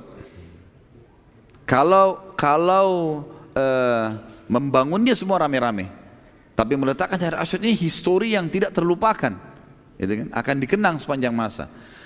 Dan ada satu hal yang merupakan ciri khas orang-orang Quraisy dan ini orang-orang penduduk Mekah teman-teman sekalian, mereka itu suka mempertahankan harga diri. Ya. Dan itu lebih mahal bagi mereka dibandingkan yang lainnya. Mereka siap berperang untuk martabatnya gitu. Maka karena ribut nih, yang bertanggung jawab tentang Ka'bah adalah Bani Abdiddar, suku Abdiddar. Saya pernah jelaskan Abdiddar bertanggung jawab dengan Ka'bah, Abdul Manaf bertanggung jawab dari Siqaya, memberikan minum. Maaf tadi saya keliru mengatakan ya. Jadi Abu Talib itu bukan membiayai jemaah haji tapi dia mengurus Ka'bah karena dia dari Bani Abdiddar ya. Abdiddar ini sibuk uh, apa mereka mengurus Ka'bah. Maka Abdiddar mengatakan, kami yang paling berhak untuk meletakkan hajar aswad. Gitu. Kemudian tiba-tiba saja ada di antara orang-orang Abdiddar menyembeli seekor kambing, domba, darahnya ditaruh di ember, lalu kalau mereka bawa dekat Ka'bah ditaruh batu yang tinggi, di, di atas batu yang tinggi ditaruh lalu mereka mengatakan, dicelup tangannya di darah itu lalu mereka angkat tangannya. Mereka mengatakan kalau ada yang meletakkan hajar aswad selain kami pertumpahan darah. Ini hak kami, ini Ka'bah kami yang urus. Mereka yang bertanggung jawab gitu kan. Mereka yang bertanggung jawab. Maka melihat kejadian tersebut, mulailah muncul suku-suku yang lain. Suku Makhzum, sembeli juga domba, tumpah juga darah di ember, taruh juga di batu, celupin. Hah, darah juga nih. Hah? Demi Allah kalau ada yang letakkan hajar aswad selain kami, pertumpahan darah. Keluar lagi suku Adi, sukunya Umar bin Khattab. Ini sebelum masa kenabian ya. Juga sama, sembeli domba, tumpah darah, buru-buru mereka lakukan semua itu. Taruh lagi di tempat tinggi, culupin darah. Ah, kami juga. Demi Allah siapa yang letakkan harus yang kami maka perang, tumpah darah. Ribut semua suku-suku ini. Ribut semuanya dan ini kejadian yang luar biasa ini, ya. Dan ini sudah sudah susah teman-teman di Bendung ya. Seperti misal contoh, saya kasih rasionalnya kalau eh, saya kita lagi jalan tiga orang di sini, ada tiga orang di sebelah sana, ya. Terus tiba-tiba ada satu orang di sini iseng, nantang yang di sana itu apalah kata-kata atau apa apalagi kalau sampai lempar batu berantem tidak kira-kira berantem. Dan kalau sudah berantem ini tawuran tawuran itu susah dibendung itu. Makanya harus dilakukan sebelum terjadi gitu kan? Ya, kalau sudah terjadi susah ini. Benar atau salah sudah kacau semuanya gitu. Ini sudah memanas kondisi Mekah. Dan Hajar Aswad ada di situ. Ini kalau satu orang saja mulai memegang Hajar Aswad udah perang nih. Dan pada saat itu teman-teman sekalian sebagian ahli sejarah mengatakan orang-orang Quraisy masing-masing suku sudah menghenuskan pedangnya dan sudah mengelompok-ngelompok. Ini sudah siap menyerang berarti. Ngelompok-ngelompok siap suku. Dan ini kejadian spontan terjadi. Ada di antara orang-orang Mekah yang faham dengan masalah bahayanya ini, mereka pun segera mendatangi seseorang yang bernama Abu Umayyah bin Mughirah. Abu Umayyah bin Mughirah ini salah satu orang yang dituakan sekali ditokohkan di Mekah umurnya waktu itu sudah 120 tahun Abu Umayyah ini bisa dikatakan penentu keputusan terakhir lah. Orang yang dianggap bijaksana kalau sudah dia yang ngomong orang Mekah pada dengar gitu. Datanglah beberapa tokoh Quraisy, "Hai, Abu Umayyah begini kejadian loh." Maka dia pun datang. Waktu dia datang, diiklankan segera waktu itu di di situ lalu mengatakan, e, "Wahai penduduk Mekah, Abu Umayyah bin Mughirah sudah datang dan akan menengahi permasalahan kita ini." Orang semua tenang, diam. Dan Abu Umayyah naik di batu yang tadinya mereka letakkan darah-darah itu. Disuruh pindahin semua, Abu Umayyah naik di situ. Lalu kemudian Abu Umayyah berkata, "Wahai kaumku, demi Allah, kalau seandainya kalian saling bunuh membunuh, kira-kira siapa yang akan tinggal lagi di Mekah? Siapa yang akan jadi pemimpin Mekah? Sementara kalian memang penduduk aslinya Mekah. Tidak mungkin itu terjadi. Dan saran saya adalah kalian harus memilih hakim yang jadi penengah di antara kalian. Maka tokoh-tokoh Quraisy mengatakan baiklah, kami setuju. Tapi kira-kira menurut anda siapa hakimnya? Abu Muayyah bilang begini, baiklah, saya akan tentukan siapa hakimnya, tapi saya mau mengambil kesepakatan dulu. Kalau saya sudah tunjuk, kalau saya bilang satu keputusan, kalian harus sepakat, semua harus terima. Mereka mengatakan baiklah, kami sepakat. Ditanya semua suku, kumpul semuanya, setuju, setuju, setuju, semua setuju, gak ada masalah ya? Baik, sekarang mereka pikir tadinya si Abu Umayyah ini mau nunjuk salah satu dari suku itu atau menunjuk dirinya. Ternyata enggak. Abu Muayyah bilang begini saja supaya adil. Ini pintu gerbang. Kebetulan pintu gerbang Mekah waktu itu kelihatan dari Ka'bah. Gitu. Bisa kita lihat pintu Bani Syaibah namanya jauh. Kata Abu Umayyah, siapa pun yang masuk setelah saya putuskan keputusan ini dari pintu itu, dia hakimnya. Setuju? Jadi saya nggak tunjuk yang di sini ya, tunjuk yang dari luar. Kalau ada yang baru masuk dari sana, siapa pun dia mau anak-anak, orang tua, laki-laki, perempuan, pokoknya siapa yang masuk dari situ manusia, ya, dia hakimnya. Setuju? Setuju semua.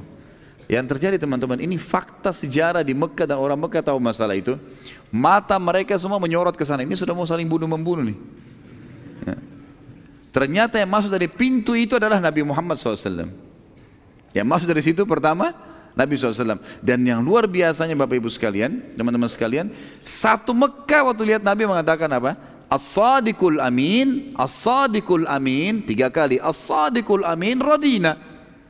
Orang yang terpercaya dan paling jujur, orang yang terpercaya dan paling jujur, dan orang yang terpercaya dan paling jujur kami sudah ridho. Cocok ini orang sebagai putusan. Satu Mekah sepakat itu. Dan ini terjadi sebelum penobatan jadi Nabi. Jadi satu Mekah Allah buat mengikrarkan kejujuran Nabi SAW. Artinya mustahil beliau bohong nih nanti. Gitu kan. Maka pada saat itu pun teman-teman sekalian, Nabi SAW waktu datang mendekat lalu mereka mengatakan, Hai Muhammad begini kejadiannya, hakimlah di antara kami. Kata Nabi SAW, baiklah kalau begitu. Nabi SAW pada saat itu teman-teman sekalian melakukan satu perbuatan yang sangat luar biasa. Beliau membuka jubahnya, beliau pakai jubah di bagian atas, kemudian beliau buka jubahnya, lalu beliau letakkan tentu ada dua lembar pakaian yang satu lembarnya dibuka kemudian diletakkan di atas tanah. Lalu kata Nabi SAW Hajar Aswad beliau tunjuk beberapa orang angkat taruh di atas kain ini.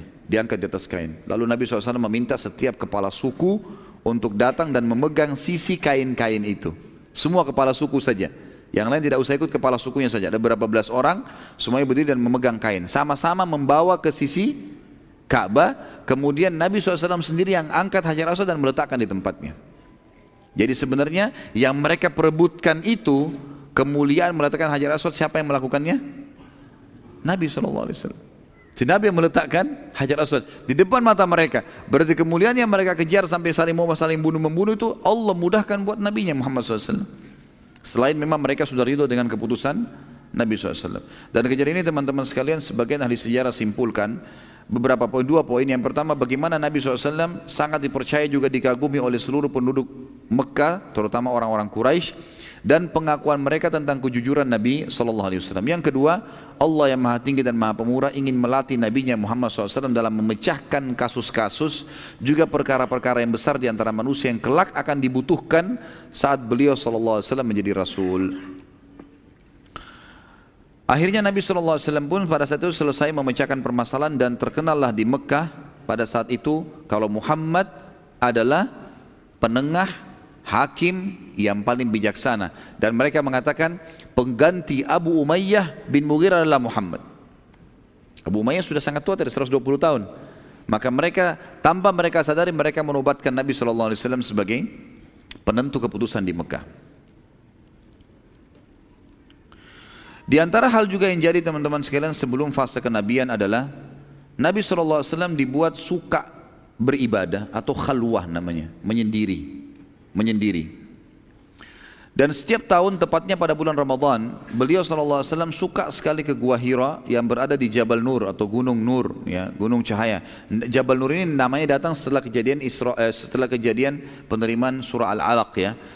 Tapi sebelumnya memang orang Mekah tidak mengatakan Jabal Nur. Gitu. Nanti setelah itu baru diberikan nama. Nabi SAW pada saat itu dibuat suka dengan khalwah.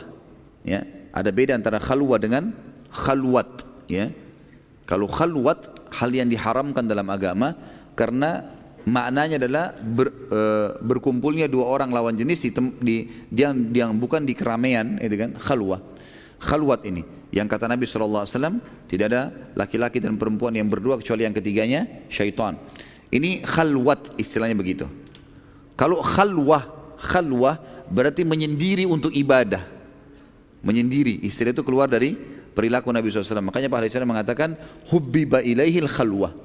Beliau dicintakan dalam hatinya ingin menyendiri, cari satu tempat dan beliau datang ke Gua Hira itu justru karena ada alasan-alasan beliau pergi ke sana, gitu kan. Ini kenapa kita perlu sebutkan teman-teman karena kita di Indonesia sering salah sebut ya. Ini salah sebut berubah makna seperti ruqyah sama ru'yah. Ya. Beda ya. Ruqyah itu berarti pengobatan syar'i menggunakan doa-doa dan ayat-ayat Al-Quran doa yang diajarkan Nabi SAW kalau ru'yah melihat bulan bedanya pakai qaf sama hamzah beda ya sama kalau untuk baca Al-Quran Alhamdu Alhamdulillah ha ha ya kalau untuk ubah Alhamdulillah misal berubah makna itu ya Alhamdu puji-pujian Alhamdulillah segala puji bagi Allah kalau Alhamdulillah hamada itu artinya kematian Berarti antum kalau bilang Alhamdulillah berarti kematian buat Allah. Ini bahaya sekali. Eh? Ya hati-hati. Makanya jangan juga ter, yang belum belajar tajwid jangan terlalu mau belajar fasih. Nanti kefasihan berbahaya kan kan. Karena mau dianggap dia maka Alhamdulillah. Nah. Rabbil alamin. Alamin. Alamin alam. Alam itu semua selain Allah. Makanya dibahasakan alam semesta, gitu kan? Selain daripada Allah disilakan dengan alam pakai ain. Tapi kalau antum ubah hamzah alam itu artinya sakit. Ya. Alhamdulillahi Rabbil Alamin Segala puji bagi Allah Tuhan alam semesta Ini berubah semua maknanya kalau antum Tidak faham masalah Dan ini makanya dasarnya harus belajar masalah itu. Ini sebabnya kenapa saya sebutkan teman-teman sekalian Hal-hal perubahan dasar begini supaya bisa difahamin ya. Jadi tidak ada tidak ada lagi hal-hal yang salah. Sama juga dengan e, bahasa baca Al-Quran teman-teman sekalian. Harus hati-hati sekali kayak Iza zulzilatil ardu zilzalaha. Zulzila bergoncang pakai zai.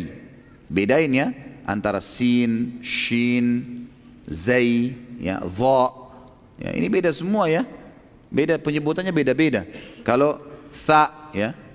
Tha Alif ba ta tha. Ya, Beda. Tha lidahnya ditekan di atas kan gitu. Thalitha thalatha. Laqad kafara alladziina qalu Allah thalithu thalatha. Ya telah kafir orang yang mengatakan trinitas misalnya tha. Beda dengan sin sama shin beda. Idza syamsu. Syams shin pertama sin yang kedua. Shin pertama yang keduanya sin. Jadi beda. Syams syamsu ya. Su sin yang kedua itu sin. Kemudian beda dengan dha zalimin ya. Zalimin. Kemudian beda juga dengan zai zulzila. Beda dengan zal zalika. Kalau kita banyak disamaratakan sama semua sin semuanya gitu kan.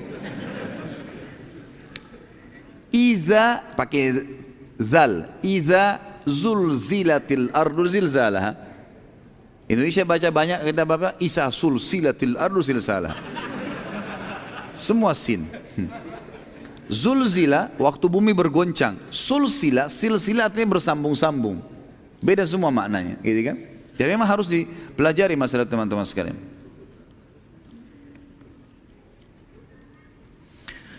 Baiklah, Nabi SAW dicintakan pada beliau khalwah. Khalwah berarti menyendiri untuk beribadah. ya. Dan beliau sering kali mencari tempat-tempat yang bisa beliau berkhalwah. Pada saat itu entah bagaimana Nabi SAW merasakan ilham dalam hatinya untuk mendatangi Jabal Nur yang sekarang itu. Karena itu gunung dianggap jauh dari penduduk Mekah, lumayan jauh. Kita naik mobil aja sekarang lumayan jauh. Mungkin kalau dari Masjid Haram menuju ke sana mungkin bisa 10-15 menit naik mobil ya. Bagaimana kalau jalan kaki jauh?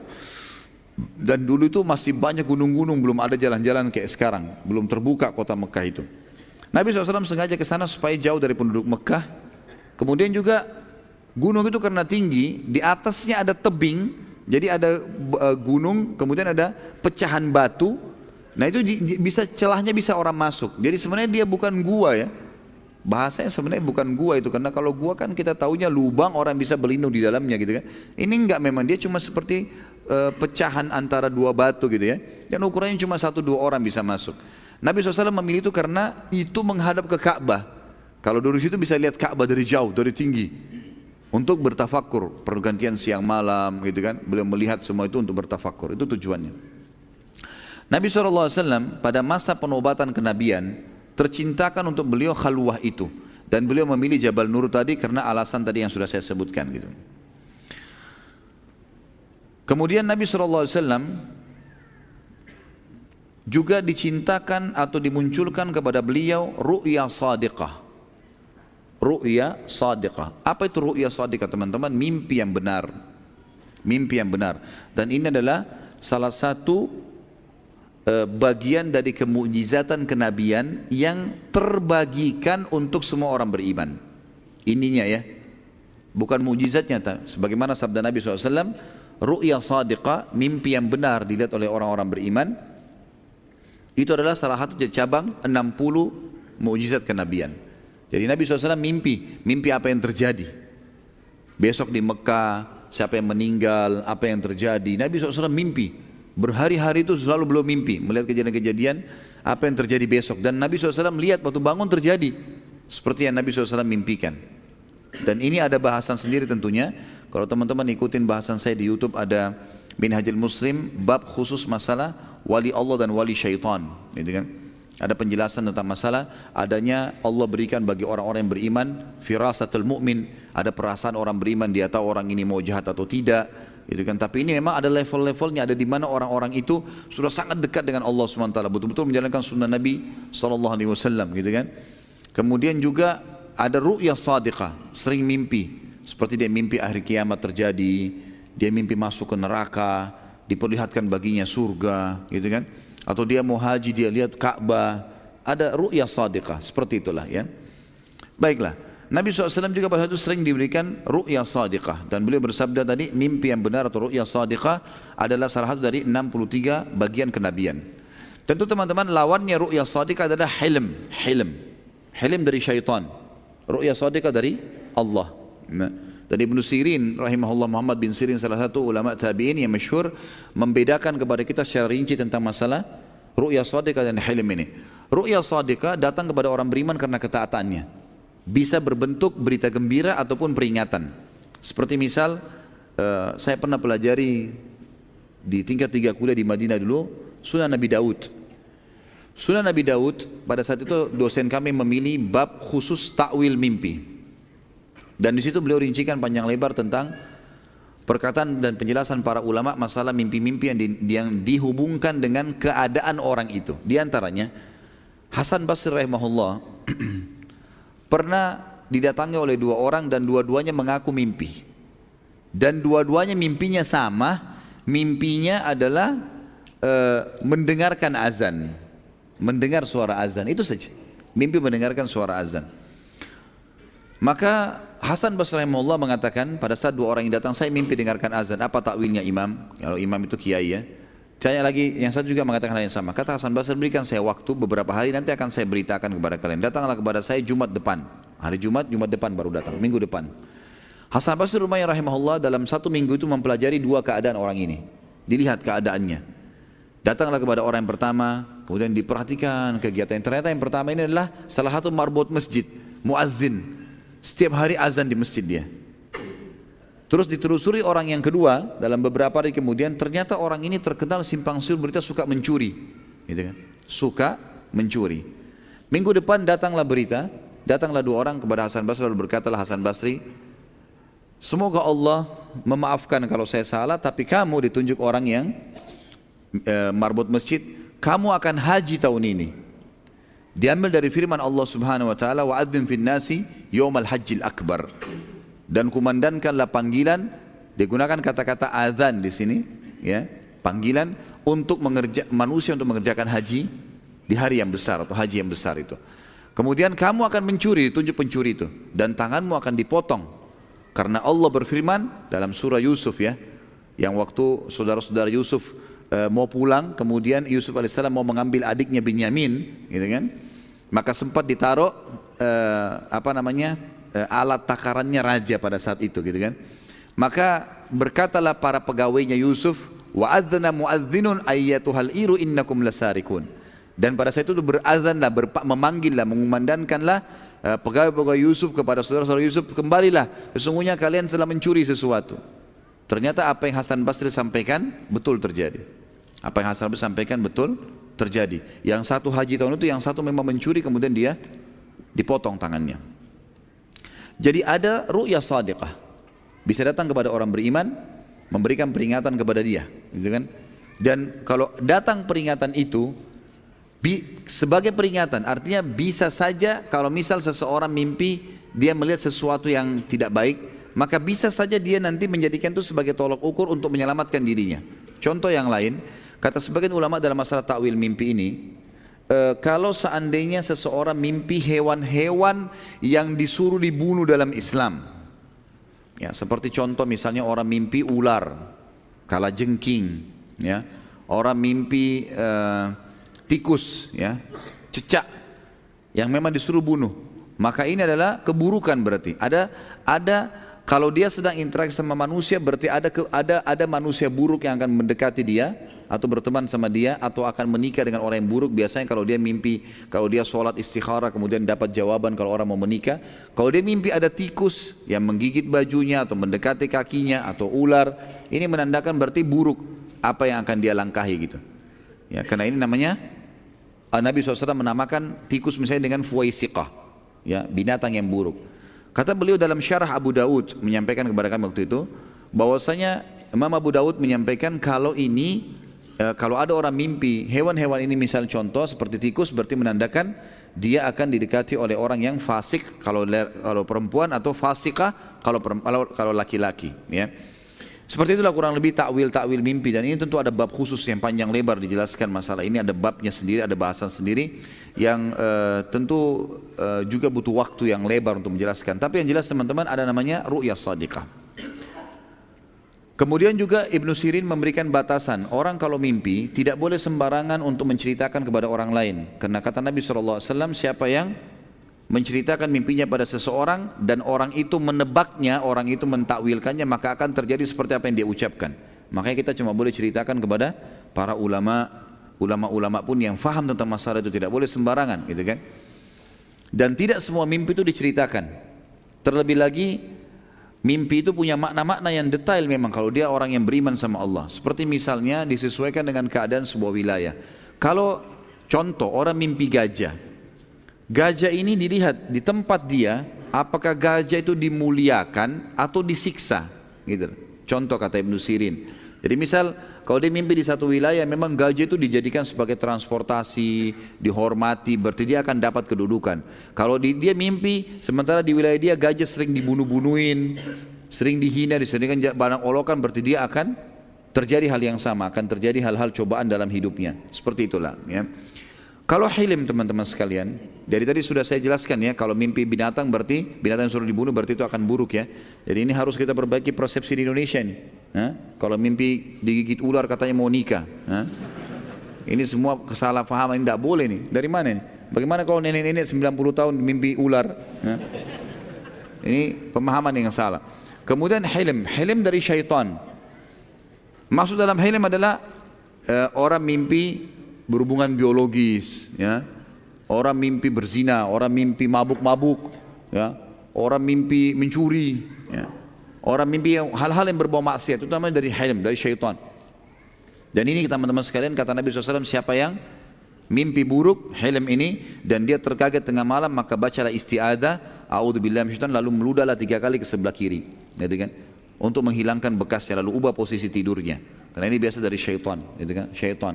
Jadi kalau misalnya kita lihat seseorang lalu kemudian kita tertarik sama dia, makanya kita disuruh gudul basar, turunkan pandangan mata, gitu kan? Karena syaitan bisa tunggangi, nanti bisa didatangkan dalam mimpi. Biar mimpi itu bisa dibuat sama syaitan rekayasa sampai akhirnya berhubungan biologis. Makanya salah satu ciri Nabi SAW beliau tidak pernah tidak pernah mimpi junub. Mana mimpi junub itu dari syaitan. Jadi jangan dianggap prestasi ya.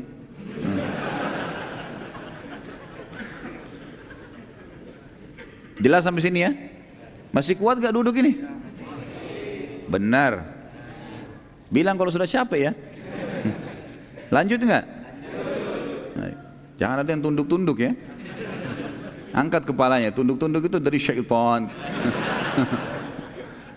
tidur soalnya.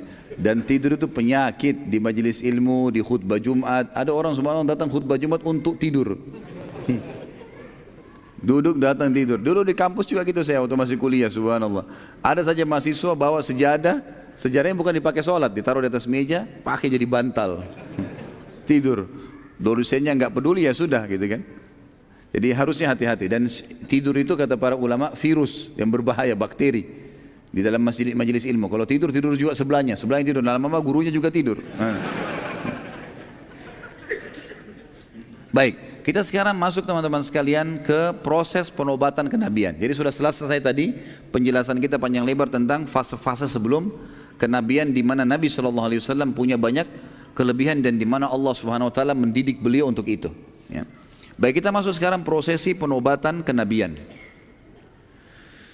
Setelah berjalannya masa khalwah ini, Nabi SAW suka khalwah di masa penobatan kenabian di bulan Ramadan tepatnya 26 hari Nabi SAW tinggal di Gua Hira itu. 26 hari. Jadi malam ke-27 nya di malam harinya di malam 27 Ramadan itu Allah subhanahu wa ta'ala mendatangkan kepada Nabi SAW pada saat itu menjelang subuh ya sudah menjelang subuh poster manusia tiba-tiba muncul. Tadinya sunyi sekali dan Nabi SAW berada di, di puncak gunung berarti siapa pun yang naik kelihatan. Nggak ada yang naik di sini. Tiba-tiba orang itu datang ya tidak seperti menaiki gunung muncul di hadapan Nabi SAW. Menggunakan baju putih Kemudian langsung bicara dengan Nabi SAW. Dalam riwayat Bukhari Nabi SAW mengatakan, telah datang kepadaku seseorang yang menggunakan pakaian yang putih bersih dan di tangannya terdapat sebuah kotak yang terbungkus dengan sutra dan di dalamnya terdapat sebuah buku. Lalu orang itu berkata, bacalah wahai Muhammad. Aku berkata, aku tidak bisa membaca. Lalu orang itu memelukku dengan sangat keras seakan-akan ruhku akan keluar. Lalu ia melepaskanku dan berkata lagi, bacalah wahai Muhammad. Aku berkata yang kedua kali, aku tidak bisa membaca. Lalu orang itu memelukku yang ketiga kalinya, yang selanjutnya dengan sangat keras, yang kedua kalinya dengan sangat keras, sampai ruhku seakan-akan mau keluar. Lalu ia melepaskanku dan berkata, bacalah wahai Muhammad. Aku berkata lagi, aku tidak bisa membaca. Lalu orang itu kembali memelukku dengan sangat keras sampai ruhku seakan-akan keluar. Lalu, aku, lalu dia berkata lagi, bacalah wahai Muhammad. Lalu aku mengubah pertanyaanku mengatakan, apa yang harus aku baca? Maka lalu orang itu pun berkata membaca surah Al-Alaq 5 ayat pertama, surah nomor 96 ayat 1 sampai ayat 5. A'udzu billahi minasyaitonir rajim. Iqra bismi rabbikal ladzi khalaq. Khalaqal insana min 'alaq. Iqra wa rabbukal akram alladzi 'allama bil qalam 'allamal insana ma lam ya'lam. Bacalah hai Muhammad dengan menyebut nama Tuhanmu yang menciptakan dia telah menciptakan manusia dari segumpal darah. Bacalah dan Tuhanmu lah yang maha pemurah. Maksudnya disuruh baca Al-Quran. Pada saat diturunkan nanti baca selalu Al-Quran itu. Jadikan sebagai pegang hidupmu yang mengajarkan manusia dengan perantara kalam penulisan yang mengajar untuk menulis dengan pena dia telah mengajarkan kepada manusia apa yang tidak diketahui oleh mereka setelah turun ayat ini teman-teman sekalian tiba-tiba saja Jibril alaihissalam yang datang tadi menjelma jadi manusia itu hilang. Hilang tiba-tiba di hadapan Nabi SAW. Bayangkan teman-teman secara manusiawi kita kalau di posisi baginda Nabi Wasallam. Di gua tengah malam sendirian selalu sudah selama 26 hari itu sudah tahu tidak ada orang di situ. Nggak ada yang tahu juga beliau di situ gitu kan? Maka beliau pun tiba-tiba melihat ini di tengah malam dan orang itu datang menyuruh baca lalu pergi alami sekali Nabi SAW ketakutan merasa ketakutan ini apa yang terjadi Lalu Nabi SAW segera bergegas mengambil bekal beliau lalu turun dari gunung. Tentu turun dari gunung ini waktu juga gitu kan. Sekarang ini Jabal Nur kalau ada setapak-setapak kaki kalau orang mau naik pun mungkin butuh setengah jam lebih sampai ke atas sana atau bahkan lebih mungkin 40 menit karena tingginya. Zaman Nabi SAW belum ada setapak jalan, beliau turun. Intinya dalam riwayat dikatakan beliau turun dengan sangat cepat berusaha turun. Waktu tiba di bawah, langit sudah mulai agak cerah. Belum pagi sekali kayak kita sekarang tapi sudah mulai kayak awal habis sholat subuh. Ya kita kalau keluar sudah mulai ada cahaya. Kata Nabi SAW tiba-tiba aku pada saat sudah tiba di, di, di sebuah padang, padang pasir yang luas di lereng gunung itu di bawah gunung aku mendengarkan suara dari langit mengatakan wahai Muhammad engkau adalah utusan Allah dan aku adalah Jibril wahai Muhammad engkau adalah utusan Allah, aku adalah Jibril, wahai Muhammad, engkau adalah utusan Allah, aku adalah Jibril. Tiga kali. Kata Nabi SAW dalam hadis Bukhari, aku pun mengangkat kepalaku ke langit dan aku melihat seluruh langit. Timurnya, baratnya, utaranya, selatannya dipenuhi dengan poster badan Jibril. Ya. Dan Jibril Allah karuniai 600 ekor sayap yang kalau satu sayapnya dikebaskan bumi ini maka akan hancur bumi ini. Setelah itu pun Jibril menghilang alaihissalam. Nabi SAW bertambah ketakutannya. Lalu beliau pun pulang ke rumah. Beliau pulang ke rumah. Namun sebelumnya teman-teman sekalian, sebelum saya bicara bagaimana proses uh, tiba di rumah dan bertemu dengan istrinya Khadijah radhiyallahu anha, uh, perlu saya tambahkan dan saya tambahkan dalam tulisan saya di sini, kalau Nabi SAW telah melihat Jibril AS dalam poster aslinya sebagai malaikat dua kali. Dua kali. Selebihnya bertemu dengan Nabi SAW dalam manusia, jelmaan manusia. gitu kan. Dan sering kali Jibril menjelma menjadi Dihyal Kalbi radhiyallahu anhu ya. Baik kita akan sebutkan uh, pertemuan Nabi SAW yang kedua adalah pada saat terjadi Isra dan Mi'raj. Jadi pertama pada saat menerima wahyu ini melihat poster asli malaikat dan yang kedua adalah pada saat Isra Mi'raj dan Allah sebutkan dalam surah An-Najm surah nomor 53 ayat 1 sampai ayat 8 A'udzu billahi minasyaitonir rajim wan najmi idza hawa ما ضل صاحبكم وما غوى وما ينطق عن الهوى إن هو إلا وحي يوحى علمه شديد القوى ذو مرة فاستوى وهو بالأفق الأعلى ثم دنا فتدلى فكان قاب قوسين أو أدنى فأوحى إلى عبده ما أوحى ما كذب الفؤاد ما رأى أفتمارونه على ما يرى؟ ولقد رآه نزلة أخرى عند سدرة المنتهى عندها جنة المأوى إذ يغشى السدرة يغشى ما زاغ البصر وما طغى لقد رأى من آيات ربه الكبرى. Demi bintang ketika terbenam Maksudnya Allah yang mengatakan Bintang yang terbenam Yang tidak kelihatan kalau pagi Itu adalah aku yang melakukannya Kawan kalian Muhammad tidak sesat dan tidak pula keliru dan tiada yang diucapkan itu Al-Quran menurut kemauan hawa nafsunya. Ucapan yang diucapkan adalah wahyu yang diwahyukan kepadanya. Yang diajarkan kepadanya oleh Jibril yang sangat kuat, yang mempunyai akal yang cerdas dan Jibril itu menampakkan dirinya dengan rupa aslinya kepada Muhammad. Sedang ia berada di ufuk yang tinggi tadi di langit itu. Kemudian dia mendekat lalu bertambah dekat bertambah dekat dengan wajah Nabi SAW. Maka jadilah dia dengan Muhammad hanya sejarak dua ujung busur panah atau lebih dekat lagi. Jadi busur panah biasanya anggaplah lebarnya dua meter misalnya. Dua anak busur panah cuma empat meter antara Nabi SAW dengan Jibril. Ya, Jibril tadi sangat besar di langit. Tiba-tiba Jibril makin mendekat dengan wajah Nabi SAW. Itu luar biasa. Ya. Mandangan yang memang membuat kaget gitu. Kata Allah SWT di sini, maka jadilah dia dekat pada Muhammad sejarak dua ujung busur panah atau lebih dekat lagi. Lalu dia menyampaikan kepada Muhammad apa yang telah Allah wahyukan. Hatinya tidak mendustakan apa yang dilihatnya. Muhammad SAW betul melihat itu. Maka apa, apakah kaum musyrik Mekah hendak membantahnya tentang apa yang dilihatnya? Dan sungguhnya Muhammad telah melihat Jibril itu dalam rupanya yang asli yang kedua kali pada tempat yang lain. Yaitu di Sidratil Muntaha. Ya, di pembatas antara langit dengan di atas langit. Ada arsnya Allah, ada lautan dan juga Allah yang maha tinggi dan maha pemurah. Ada Sidratul Muntaha namanya. Di dekatnya ada surga yang tinggal, ada ada surga tempat tinggal. Ini dalil jelas mengatakan surga sudah ada dan surga ada di atas langit. Yang dikatakan Muhammad melihat Jibril ketika Sidratul Muntaha diliputi oleh sesuatu yang meliputinya. Penglihatan Muhammad tidak berpaling dari yang dilihatnya itu dan tidak pula melampauinya. Sesungguhnya dia telah melihat sebagian tanda-tanda kekuasaan Tuhannya yang paling besar. Nabi SAW teman-teman setelah itu pulang ke rumah dan betul-betul merasa ketakutan, bimbang, bingung, bercamuk semuanya, berkecamuk. Tengah malam melihat kejadian ini, kemudian sampai pagi. Tiba di rumah sudah mulai terang, matahari sudah mulai terang. Mengetuk pintu. Khadijah radhiallahu anha begitu membuka pintu melihat suaminya ketakutan, gemetar. Dan ini saya pernah jelaskan dalam masalah rumah tangga teman-teman sekalian ada beberapa materi di YouTube masalah rumah tangga manajemen rumah tangga Islami bagaimana adab seorang istri pada suaminya di antaranya kena bertepatan masalah ini Khadijah radhiyallahu anha sama sekali tidak curiga tidak menghardik, tidak menyalahkan pada dalam kondisi suami pulang pagi-pagi dan kemudian gemetaran dan keringatan seperti ini. Kadang-kadang subhanallah cuma satu tetes noda di bajunya saja dari mana nih? Sudah curiga, gitu kan. Keringat sedikit, kamu habis ngapain? dan seterusnya. Ya orang jalan keringatan kan gitu. Tapi yang jelas Khadijah tidak bertanya. Adabnya tidak bertanya. Nggak ditanya apa-apa. Sampai suaminya yang bicara. Nabi SAW mengatakan, Zammiluni, zammiluni.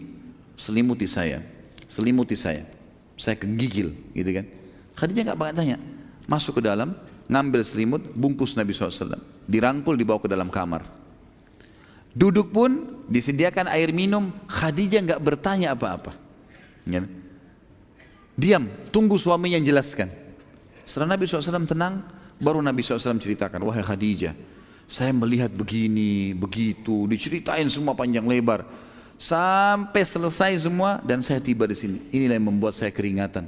Ada yang datang di malam hari baju putih berbicara pada saya, memeluk saya, menyuruh saya membaca dan turunlah dan ada lima kalimat ini yang diucapkan. Dibacakanlah surah al-alaq eh, Nabi Nabi SAW kepada Khadijah. Kemudian saya turun dengan buru-buru dari bukit. Saya melihat poster tubuh yang besar.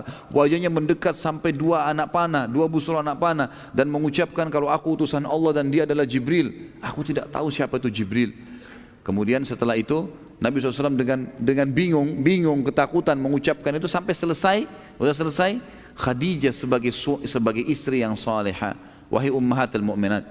Ummahatul mu'minin dengar ini. Ya kita harus tahu wahai ibu-ibu mukminin harus faham masalah ini. Maaf, istilah ummahatul mu'minin untuk istri Nabi SAW. Wahai ibu-ibu ummahat uh, muslimin, mestinya kita memahami masalah ini. Apa kata Khadijah waktu suaminya dalam kondisi ketakutan tadi? Wahai suamiku, apakah engkau mengira engkau telah ditimpa sesuatu yang buruk? Gangguan jinkah? Tidak akan pernah terjadi demi Allah. Enggak mungkin kau ditimpa itu. Karena sungguhnya kamu selalu orang baik, kamu selalu menjadi orang baik, kamu selalu silaturahim, kamu selalu bantu orang miskin, dan kamu selalu memenuhi kebutuhan orang-orang yang butuh bantuan.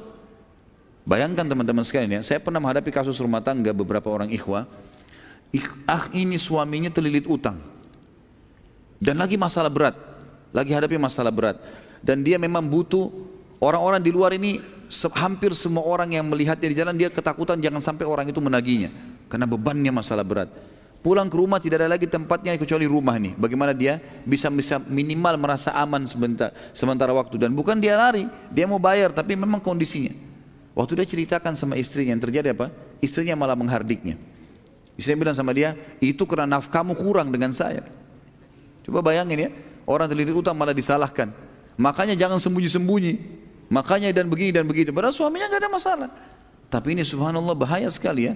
Ini adab dalam rumah tangga yang kalau dijaga teman-teman akan sangat menjaga keharmonisan rumah tangga. Yang jelas Khadijah radhiyallahu anha mengatakan, "Wahai suamiku, janganlah engkau khawatir, aku memiliki seorang sepupu yang bernama Waraka bin Naufal, dia punya informasi. Mungkin dia punya informasi. Ayo kita ke sana." Nabi SAW habis mandi, sudah ganti baju segala, dibawalah pada pagi itu oleh Khadijah bertemu dengan Waraka bin Naufal. Setelah tiba dan akhirnya diceritakan oleh Nabi SAW semua kejadian tersebut, Waraka bin Naufal terheran-heran. Lalu kemudian dia terus menyimak setiap cerita Nabi SAW. Ciri-ciri yang disebutkan semuanya oleh Nabi SAW kena detail sekali. Ini baru kejadian tadi pagi. Hari itu juga langsung dibawa bertemu dengan Waraka bin Naufal. Dan Nabi SAW masih menceritakan dengan kejadian yang luar biasa gitu. Maka Waraka bin Naufal waktu sudah selesai mengatakan, sudah selesai Muhammad, ada yang kau mau sampaikan lagi? Sudah enggak ada. Kata Waraka bin Naufal, Allahu Akbar. Yang datang kepada kamu adalah namusul akbar. Namusul akbar ini teman-teman sekalian adalah istilah uh, makhluk yang yang bersayap ini disebutkan masyhur di kalangan para Bani Israel, orang-orang ahli kitab. Yahudi Nasrani dalam kitab ini, dalam Taurat ini disebutkan dengan istilah Namus al-Akbar Jibril ini. Maka dia mengatakan, Allahu Akbar, telah datang kepada kamu Namus al-Akbar yang telah bertemu dengan Musa alaihissalam. Ya. Saya berharap, bila saya masih hidup saat engkau nanti resmi diutus oleh Allah, datang lagi wahyu, dan kau sudah diperintahkan untuk berdakwah. Ini kan belum ada perintah berdakwah. Baru penga, baru penga, pe, pe, informasi kau adalah utusan Allah. Belum ada perintah. Nanti kita akan pelajari ada dakwah sembunyi-sembunyi, ada dakwah terang-terangan. Nanti kalau Allah sudah suruh baru disampaikan, gitu kan? Jadi belum di sini. Kalau saya masih hidup nanti di saat kau diutus kelak, maka pastilah aku akan menjadi penolongmu saat engkau diperangi dan dikeluarkan dari Mekah oleh kaummu. Nabi SAW heran bertanya kepada Waraka bin Nawfal, apakah mereka akan mengeluarkanku? Padahal sekarang jelas-jelas Nabi dicintai oleh masyarakat Mekah. Mereka kasih julukan As-Sadiqul Amin. Mereka titipkan amanah-amanah hartanya. Mereka menghormati Nabi. Maka mereka menubatkan Nabi SAW penggantinya siapa? Abu Umayyah bin Mughirah tadi kan? Orang yang sangat bijaksana. Maka kata, kata Waraka bin Nawfal, Sesungguhnya ketahuilah hai Muhammad tidak ada orang demi Allah yang diutus seperti kamu kecuali akan diperangi oleh kaumnya yang yang yang yang ingkar dan pasti dikeluarkan dari kotanya. Baik setelah kejadian itu teman-teman sekalian Nabi SAW pun balik ke rumahnya menenangkan dirinya dan wahyu terputus selama enam bulan. Gak ada datang turun wahyu enam bulan. Dan pendapat yang paling kuat adalah Waraka bin Naufal meninggal di fase enam bulan itu. Nah, Waraka bin Naufal sudah sangat tua pada saat itu, gitu kan. Dan Nabi SAW waktu itu sudah memiliki enam orang anak, gitu kan. Nabi SAW dinobatkan menjadi Nabi umur 40 tahun. Nabi menikah umur 25 tahun, berarti sudah lewat berapa tahun? 15 tahun, gitu kan? Dari masa pernikahan beliau sallallahu alaihi wasallam baru beliau dinobatkan jadi ini. Waraka bin Nawfal lebih tua lagi dari Khadijah. Khadijah saja waktu itu kalau umur 40 tahun tambah 15 berarti sudah 55 tahun. Waraka bin Nawfal lebih tua daripada Khadijah 10 sampai 15 tahun, lebih tua lagi.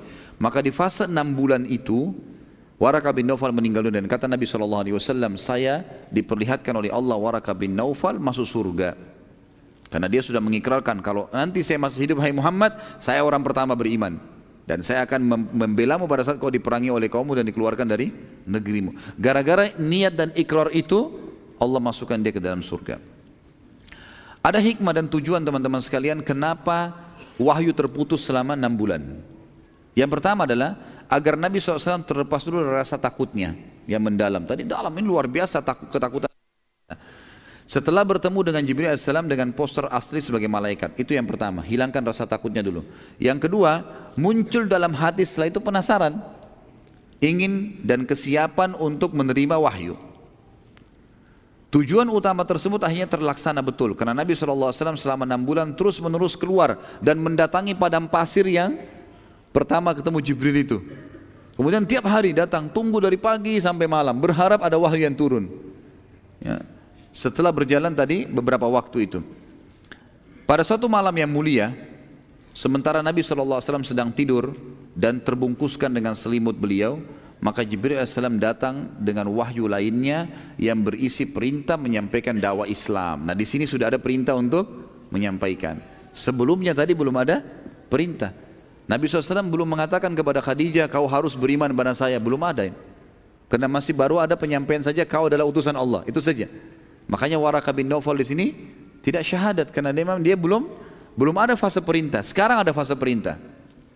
Maka turunlah pada saat itu teman-teman surah setelah Al-Alaq, surah yang turun nomor dua adalah surah Al-Muddathir.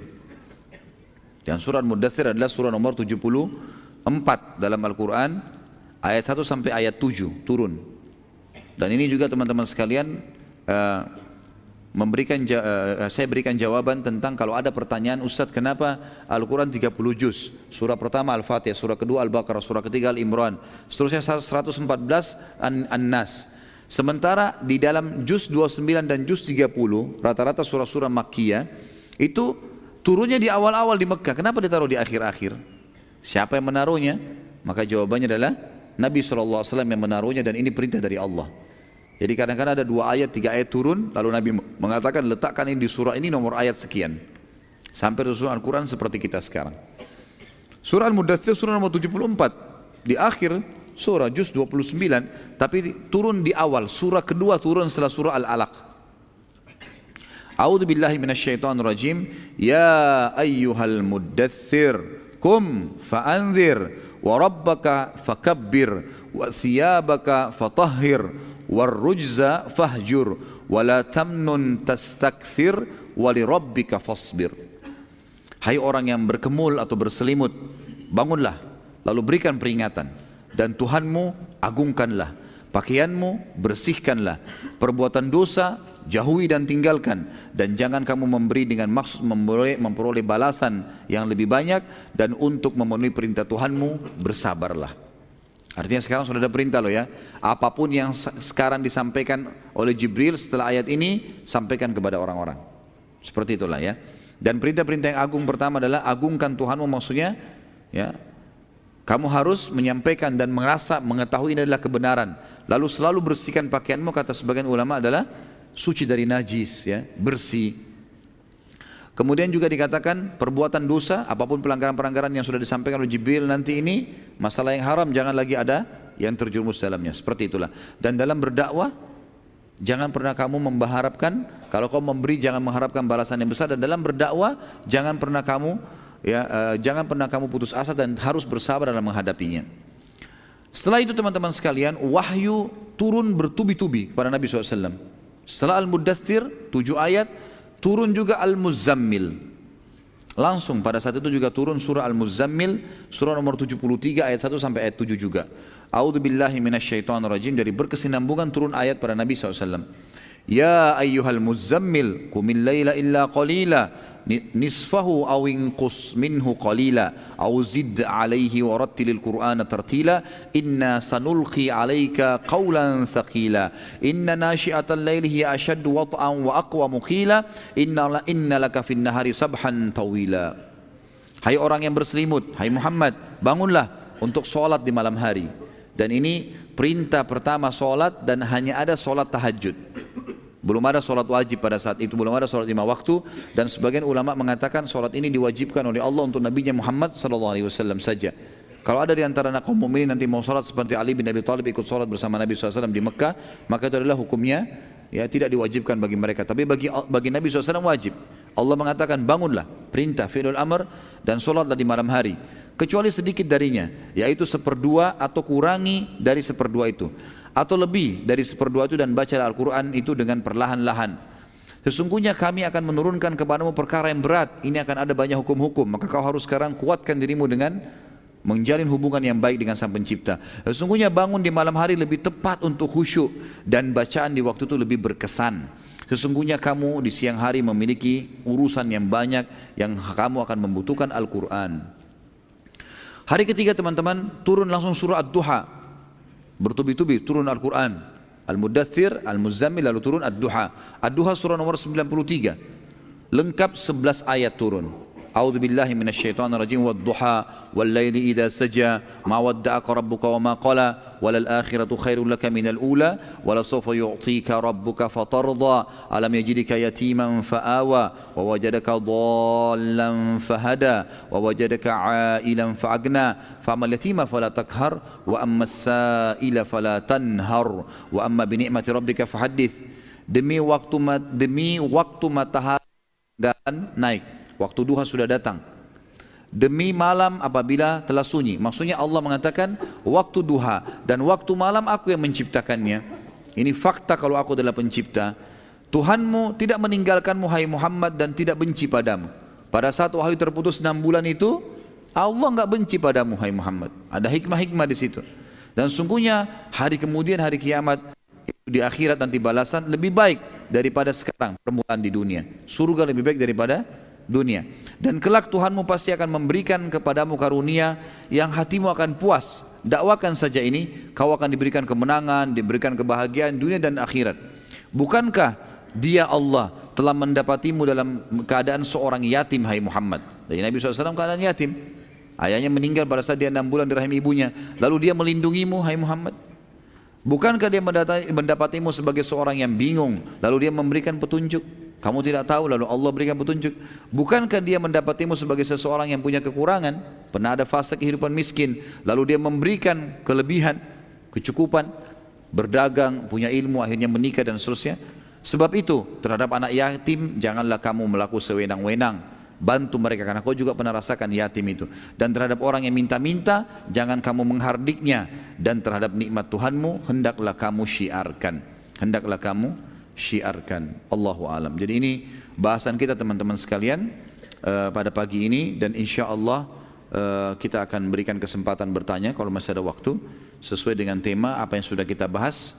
Kurang lebih garis besarnya adalah beberapa kejadian sebelum fase kenabian, kemudian fase penobatan kenabian. Dan kita akan lanjutkan insya Allah nanti malam nanti uh, tema kita dengan beberapa orang-orang Quraisy yang bertauhid dan uh, fase dakwah sembunyi-sembunyi Nabi SAW dan juga nanti fase dakwah terang-terangan. Tergantung keadaan waktu kalau cukup insya Allah.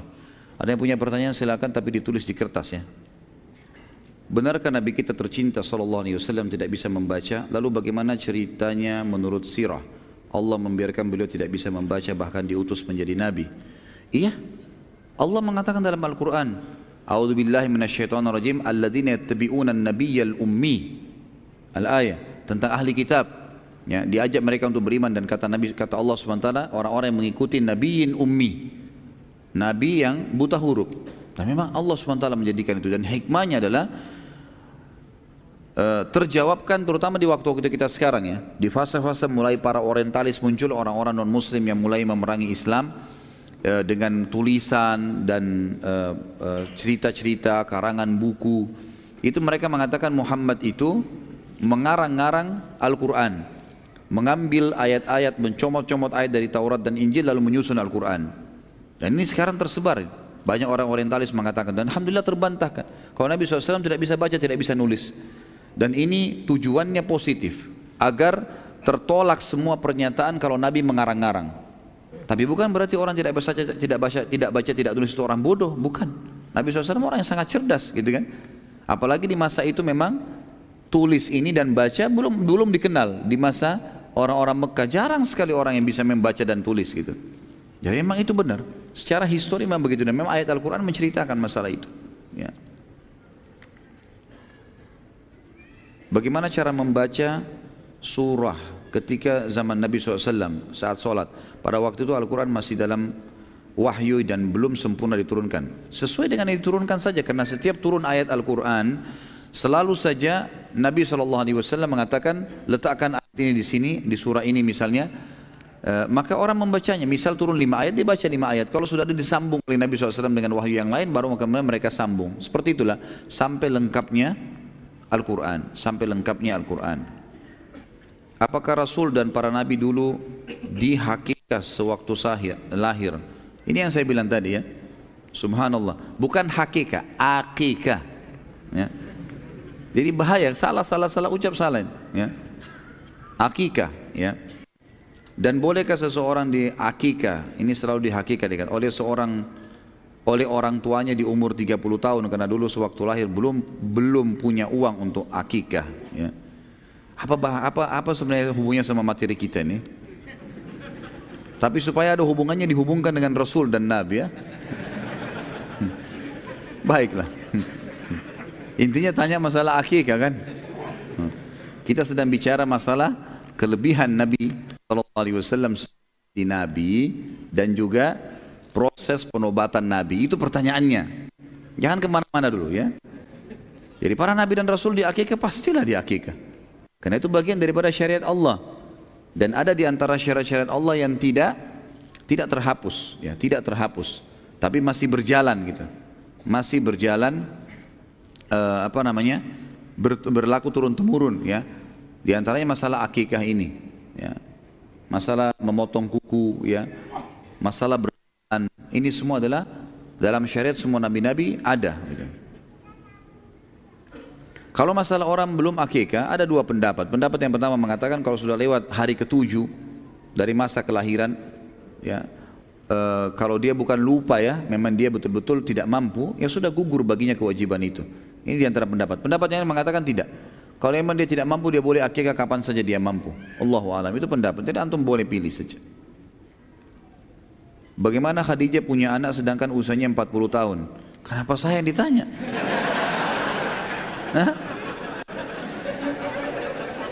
La ilaha illallah. Allah yang kasih. Allah yang kasih itu. Jadi bisa saja. Sekarang bukan mustahil wanita bisa hamil umur 40 tahun. Gitu kan? Tergantung kalau dia subur. Berapa jumlah keseluruhan istri Rasulullah SAW? Kalau yang Nabi SAW meninggal, pada saat meninggal, itu jumlah istri Nabi SAW khilaf antara ahli ulama mengatakan 9 atau sampai 11 gitu kan antara 9 sampai 11 tentu Khadijah sudah meninggal tapi ini yang di zaman Nabi SAW waktu itu itu jumlahnya kalau nama-namanya semuanya sudah jelas ada nama-nama dan saya sudah sebutkan di bahasan buku mahkota pengantin bisa dilihat di Youtube insya Allah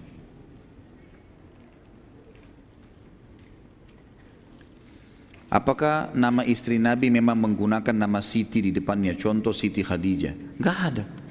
Ini karangan Made in Indonesia. Enggak ada Siti. Pernah antum baca ada hadis begitu Siti Khadijah, Siti Aisyah? Enggak pernah. Kecuali buatan antum itu. Sama juga dengan yang yang perlu dalam masalah nama teman-teman sekalian. Jangan mengubah namanya istri, orang tuanya istri ya. Jangan mengubah nama orang tua istri. Jadi seperti kita di Indonesia, ini tradisi orang non muslim. Kita mengatakan misalnya e, kalau sudah menikah contoh namanya dia si fulana A misalnya namanya A. Misalnya A binti A, misal misal contoh saja. Maaf kalau ada yang namanya sama. Misal namanya e, kita maka misalnya Hafsa, Hafsa binti misalnya Ahmad ya. Namanya dia. Setelah menikah diganti nama ayahnya Ahmad ini menjadi nama suaminya. Ini nggak boleh teman-teman dalam Islam. Nggak boleh. Harus tetap nama ayahnya. Mau orang mau ayahnya itu kafir kah? Mau orang ayahnya itu baik atau fasik? Sama saja. Gitu kan? Jadi tidak boleh diubah ini makanya istri-istri Nabi Ummahatul Mukminin radhiyallahu anhunna itu semuanya tetap Aisyah binti Abi Bakar tidak pernah kita dengar Aisyah Muhammad gitu kan Hafsah Muhammad nggak pernah ini maka sebaiknya jangan sampai menisbatkan diri kepada suami, tetap aja. Kalau ditanya suaminya siapa, suami saya fulan, gitu kan. Tapi bukan berarti dimasukkan ke dalam nama. Ini ada pertanyaan diselipin, bolehkah angkat tangan pada saat doa? Boleh, boleh angkat tangan, tidak ada larangan. Tidak ada masalah.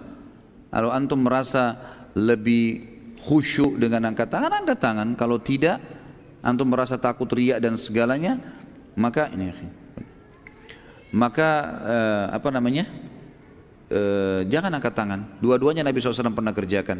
Kadang-kadang kalau ada sahabat mengatakan ya Rasulullah doakan saya, Nabi SAW mendoakan langsung tanpa angkat tangan atau memegang dada sahabat itu sambil mengatakan semoga Allah beginikan atau semoga Allah begitukan gitu ya. Allah Nabi SAW doakan.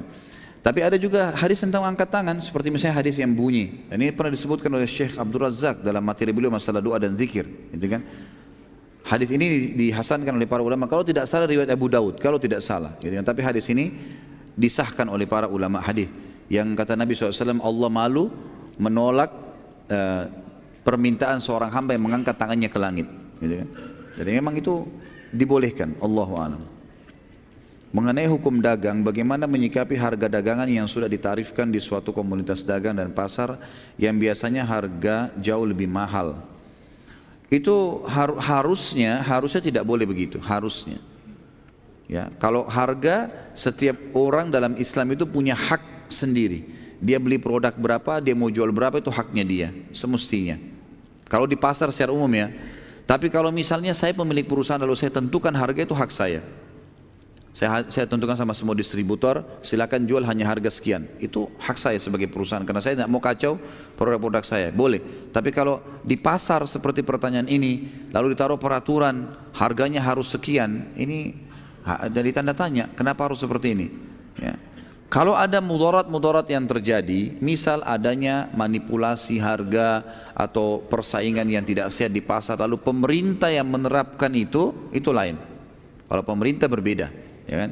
Tapi kalau orang-orang buat komunitas pasar seperti preman dan segalanya lalu menerapkan harus terapkan sekian, tidak boleh enggak.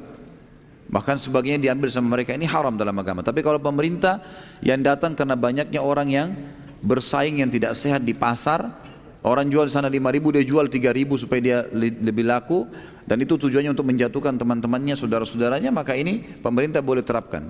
Harga standar beras misalnya satu liter lima ribu, udah jenis ini misalnya, jenis ini, maka itu boleh saja kalau dari pihak pemerintah. Mengapa hajar aswad dicium agar tidak menimbulkan pemikiran kemusyrikan? Allah perintahkan. Eh? Allah perintahkan. Jadi sama saja mengapa kita kita makan melalui mulut. Nah? Ya kenapa begitu sudah caranya? Perintahnya begitu. Allah ciptakan alami begitu, gitu kan? Kenapa melangkah dengan kaki? Ya sudah begitu. Allah SWT seperti itu. Kalau perintah Allah sama semua kita tarik kepada semua hal supaya mudah dipahamin gitu kan. Memang perintah Allah menciumnya dan Rasulullah SAW mencontohkan. Sama halnya juga kalau kita kembangin banyak ya. Kalau bertanya kenapa ini? Kenapa haji ke Mekah? Kenapa enggak setiap orang boleh haji di kampungnya saja? Loh Allah maunya begitu. Kenapa sholat satu hari lima waktu? Kenapa enggak satu waktu saja? Loh Allah maunya begitu. Kenapa subuh dua rakaat, duhur empat, asar empat, duhur sama asar kan berdekatan. Kenapa Allah nggak kasih jam dua saja empat rakaat sekalian? Loh Allah maunya begitu. Tugas kita adalah menerima dan melaksanakan, bukan memprotesin. Seperti itulah. Jadi kenapa cium hajar aswad? Karena perintah Allah. Allah perintahnya kita lakukan kan. Batu lain tidak kita cium karena ada perintahnya. Kan itu. Gak boleh kita ambil batu dari istiqomah sini ngambil cium. Nah.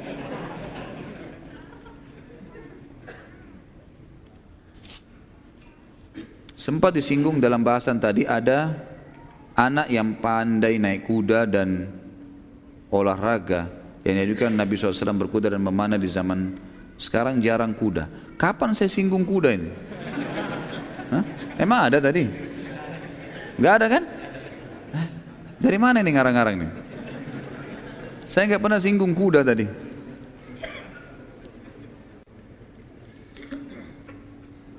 Tapi pertanyaannya sekarang di sini, kalau tidak usah dibahasakan tadi saya, karena saya tidak ingat, seingat saya tidak saya sebutkan tadi masalah disinggung naik kuda dan olahraga, gitu kan?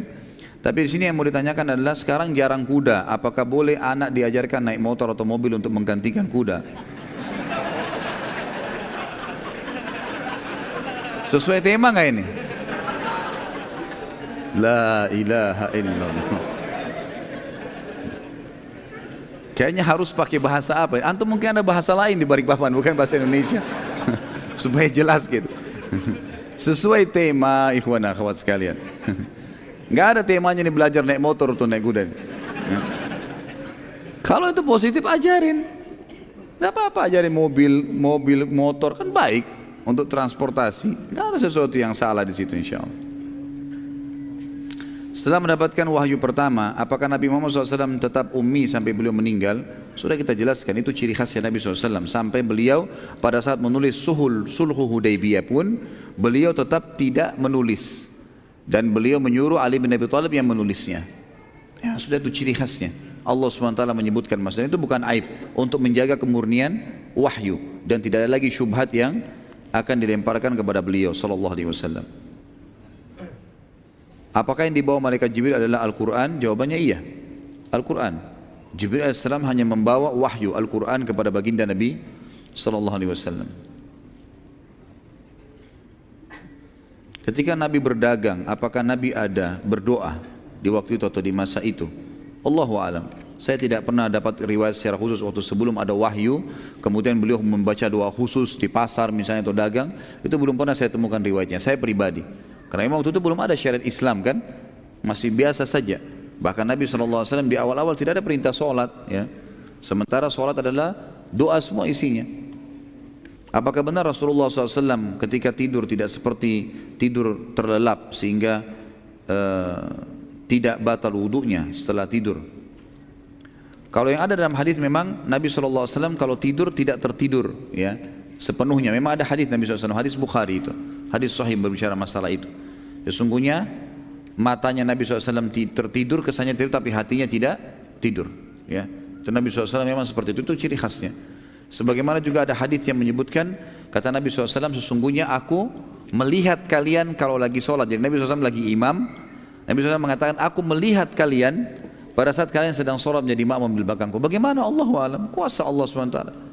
Allah SWT berikan kelebihan baginda Nabi Sallallahu Alaihi Wasallam dan teman-teman sekalian wahyu yang disampaikan tugas kita beriman bukan tugas kita memprotes atau menanyakan bagaimana Imani dulu. Ada hikmahnya sudah. Nanti hikmahnya kita pelajari untuk menambah keimanan, bukan untuk terjadi penolakan. Karena memang akal dan fasilitas tubuh kita ini, hati, jaringan anggota tubuh, semua tangan, kaki, segala ini, ini digunakan untuk menerima wahyu, bukan untuk memprotes wahyu. Karena nggak bakal bisa, nggak bakal nyambung. Karena banyak penyampaian wahyu nggak nyambung dengan akal manusia. Itu kan? Nggak bisa nyambung semuanya. Apa yang apa yang kalau manusia cuma mau imani saja apa yang dijangkau akalnya dan apa yang dijangkau panca inderanya, banyak yang dia tidak bisa imani itu. Seperti keberadaan udara yang dia bisa hirup, tidak bisa kelihatan. Kemudian banyak hal, ya banyak sekali hal. Adanya jin, adanya malaikat, ya adanya perasaan-perasaan yang kita rasakan, banyak tidak terjangkau oleh panca indera manusia. Allahu alam.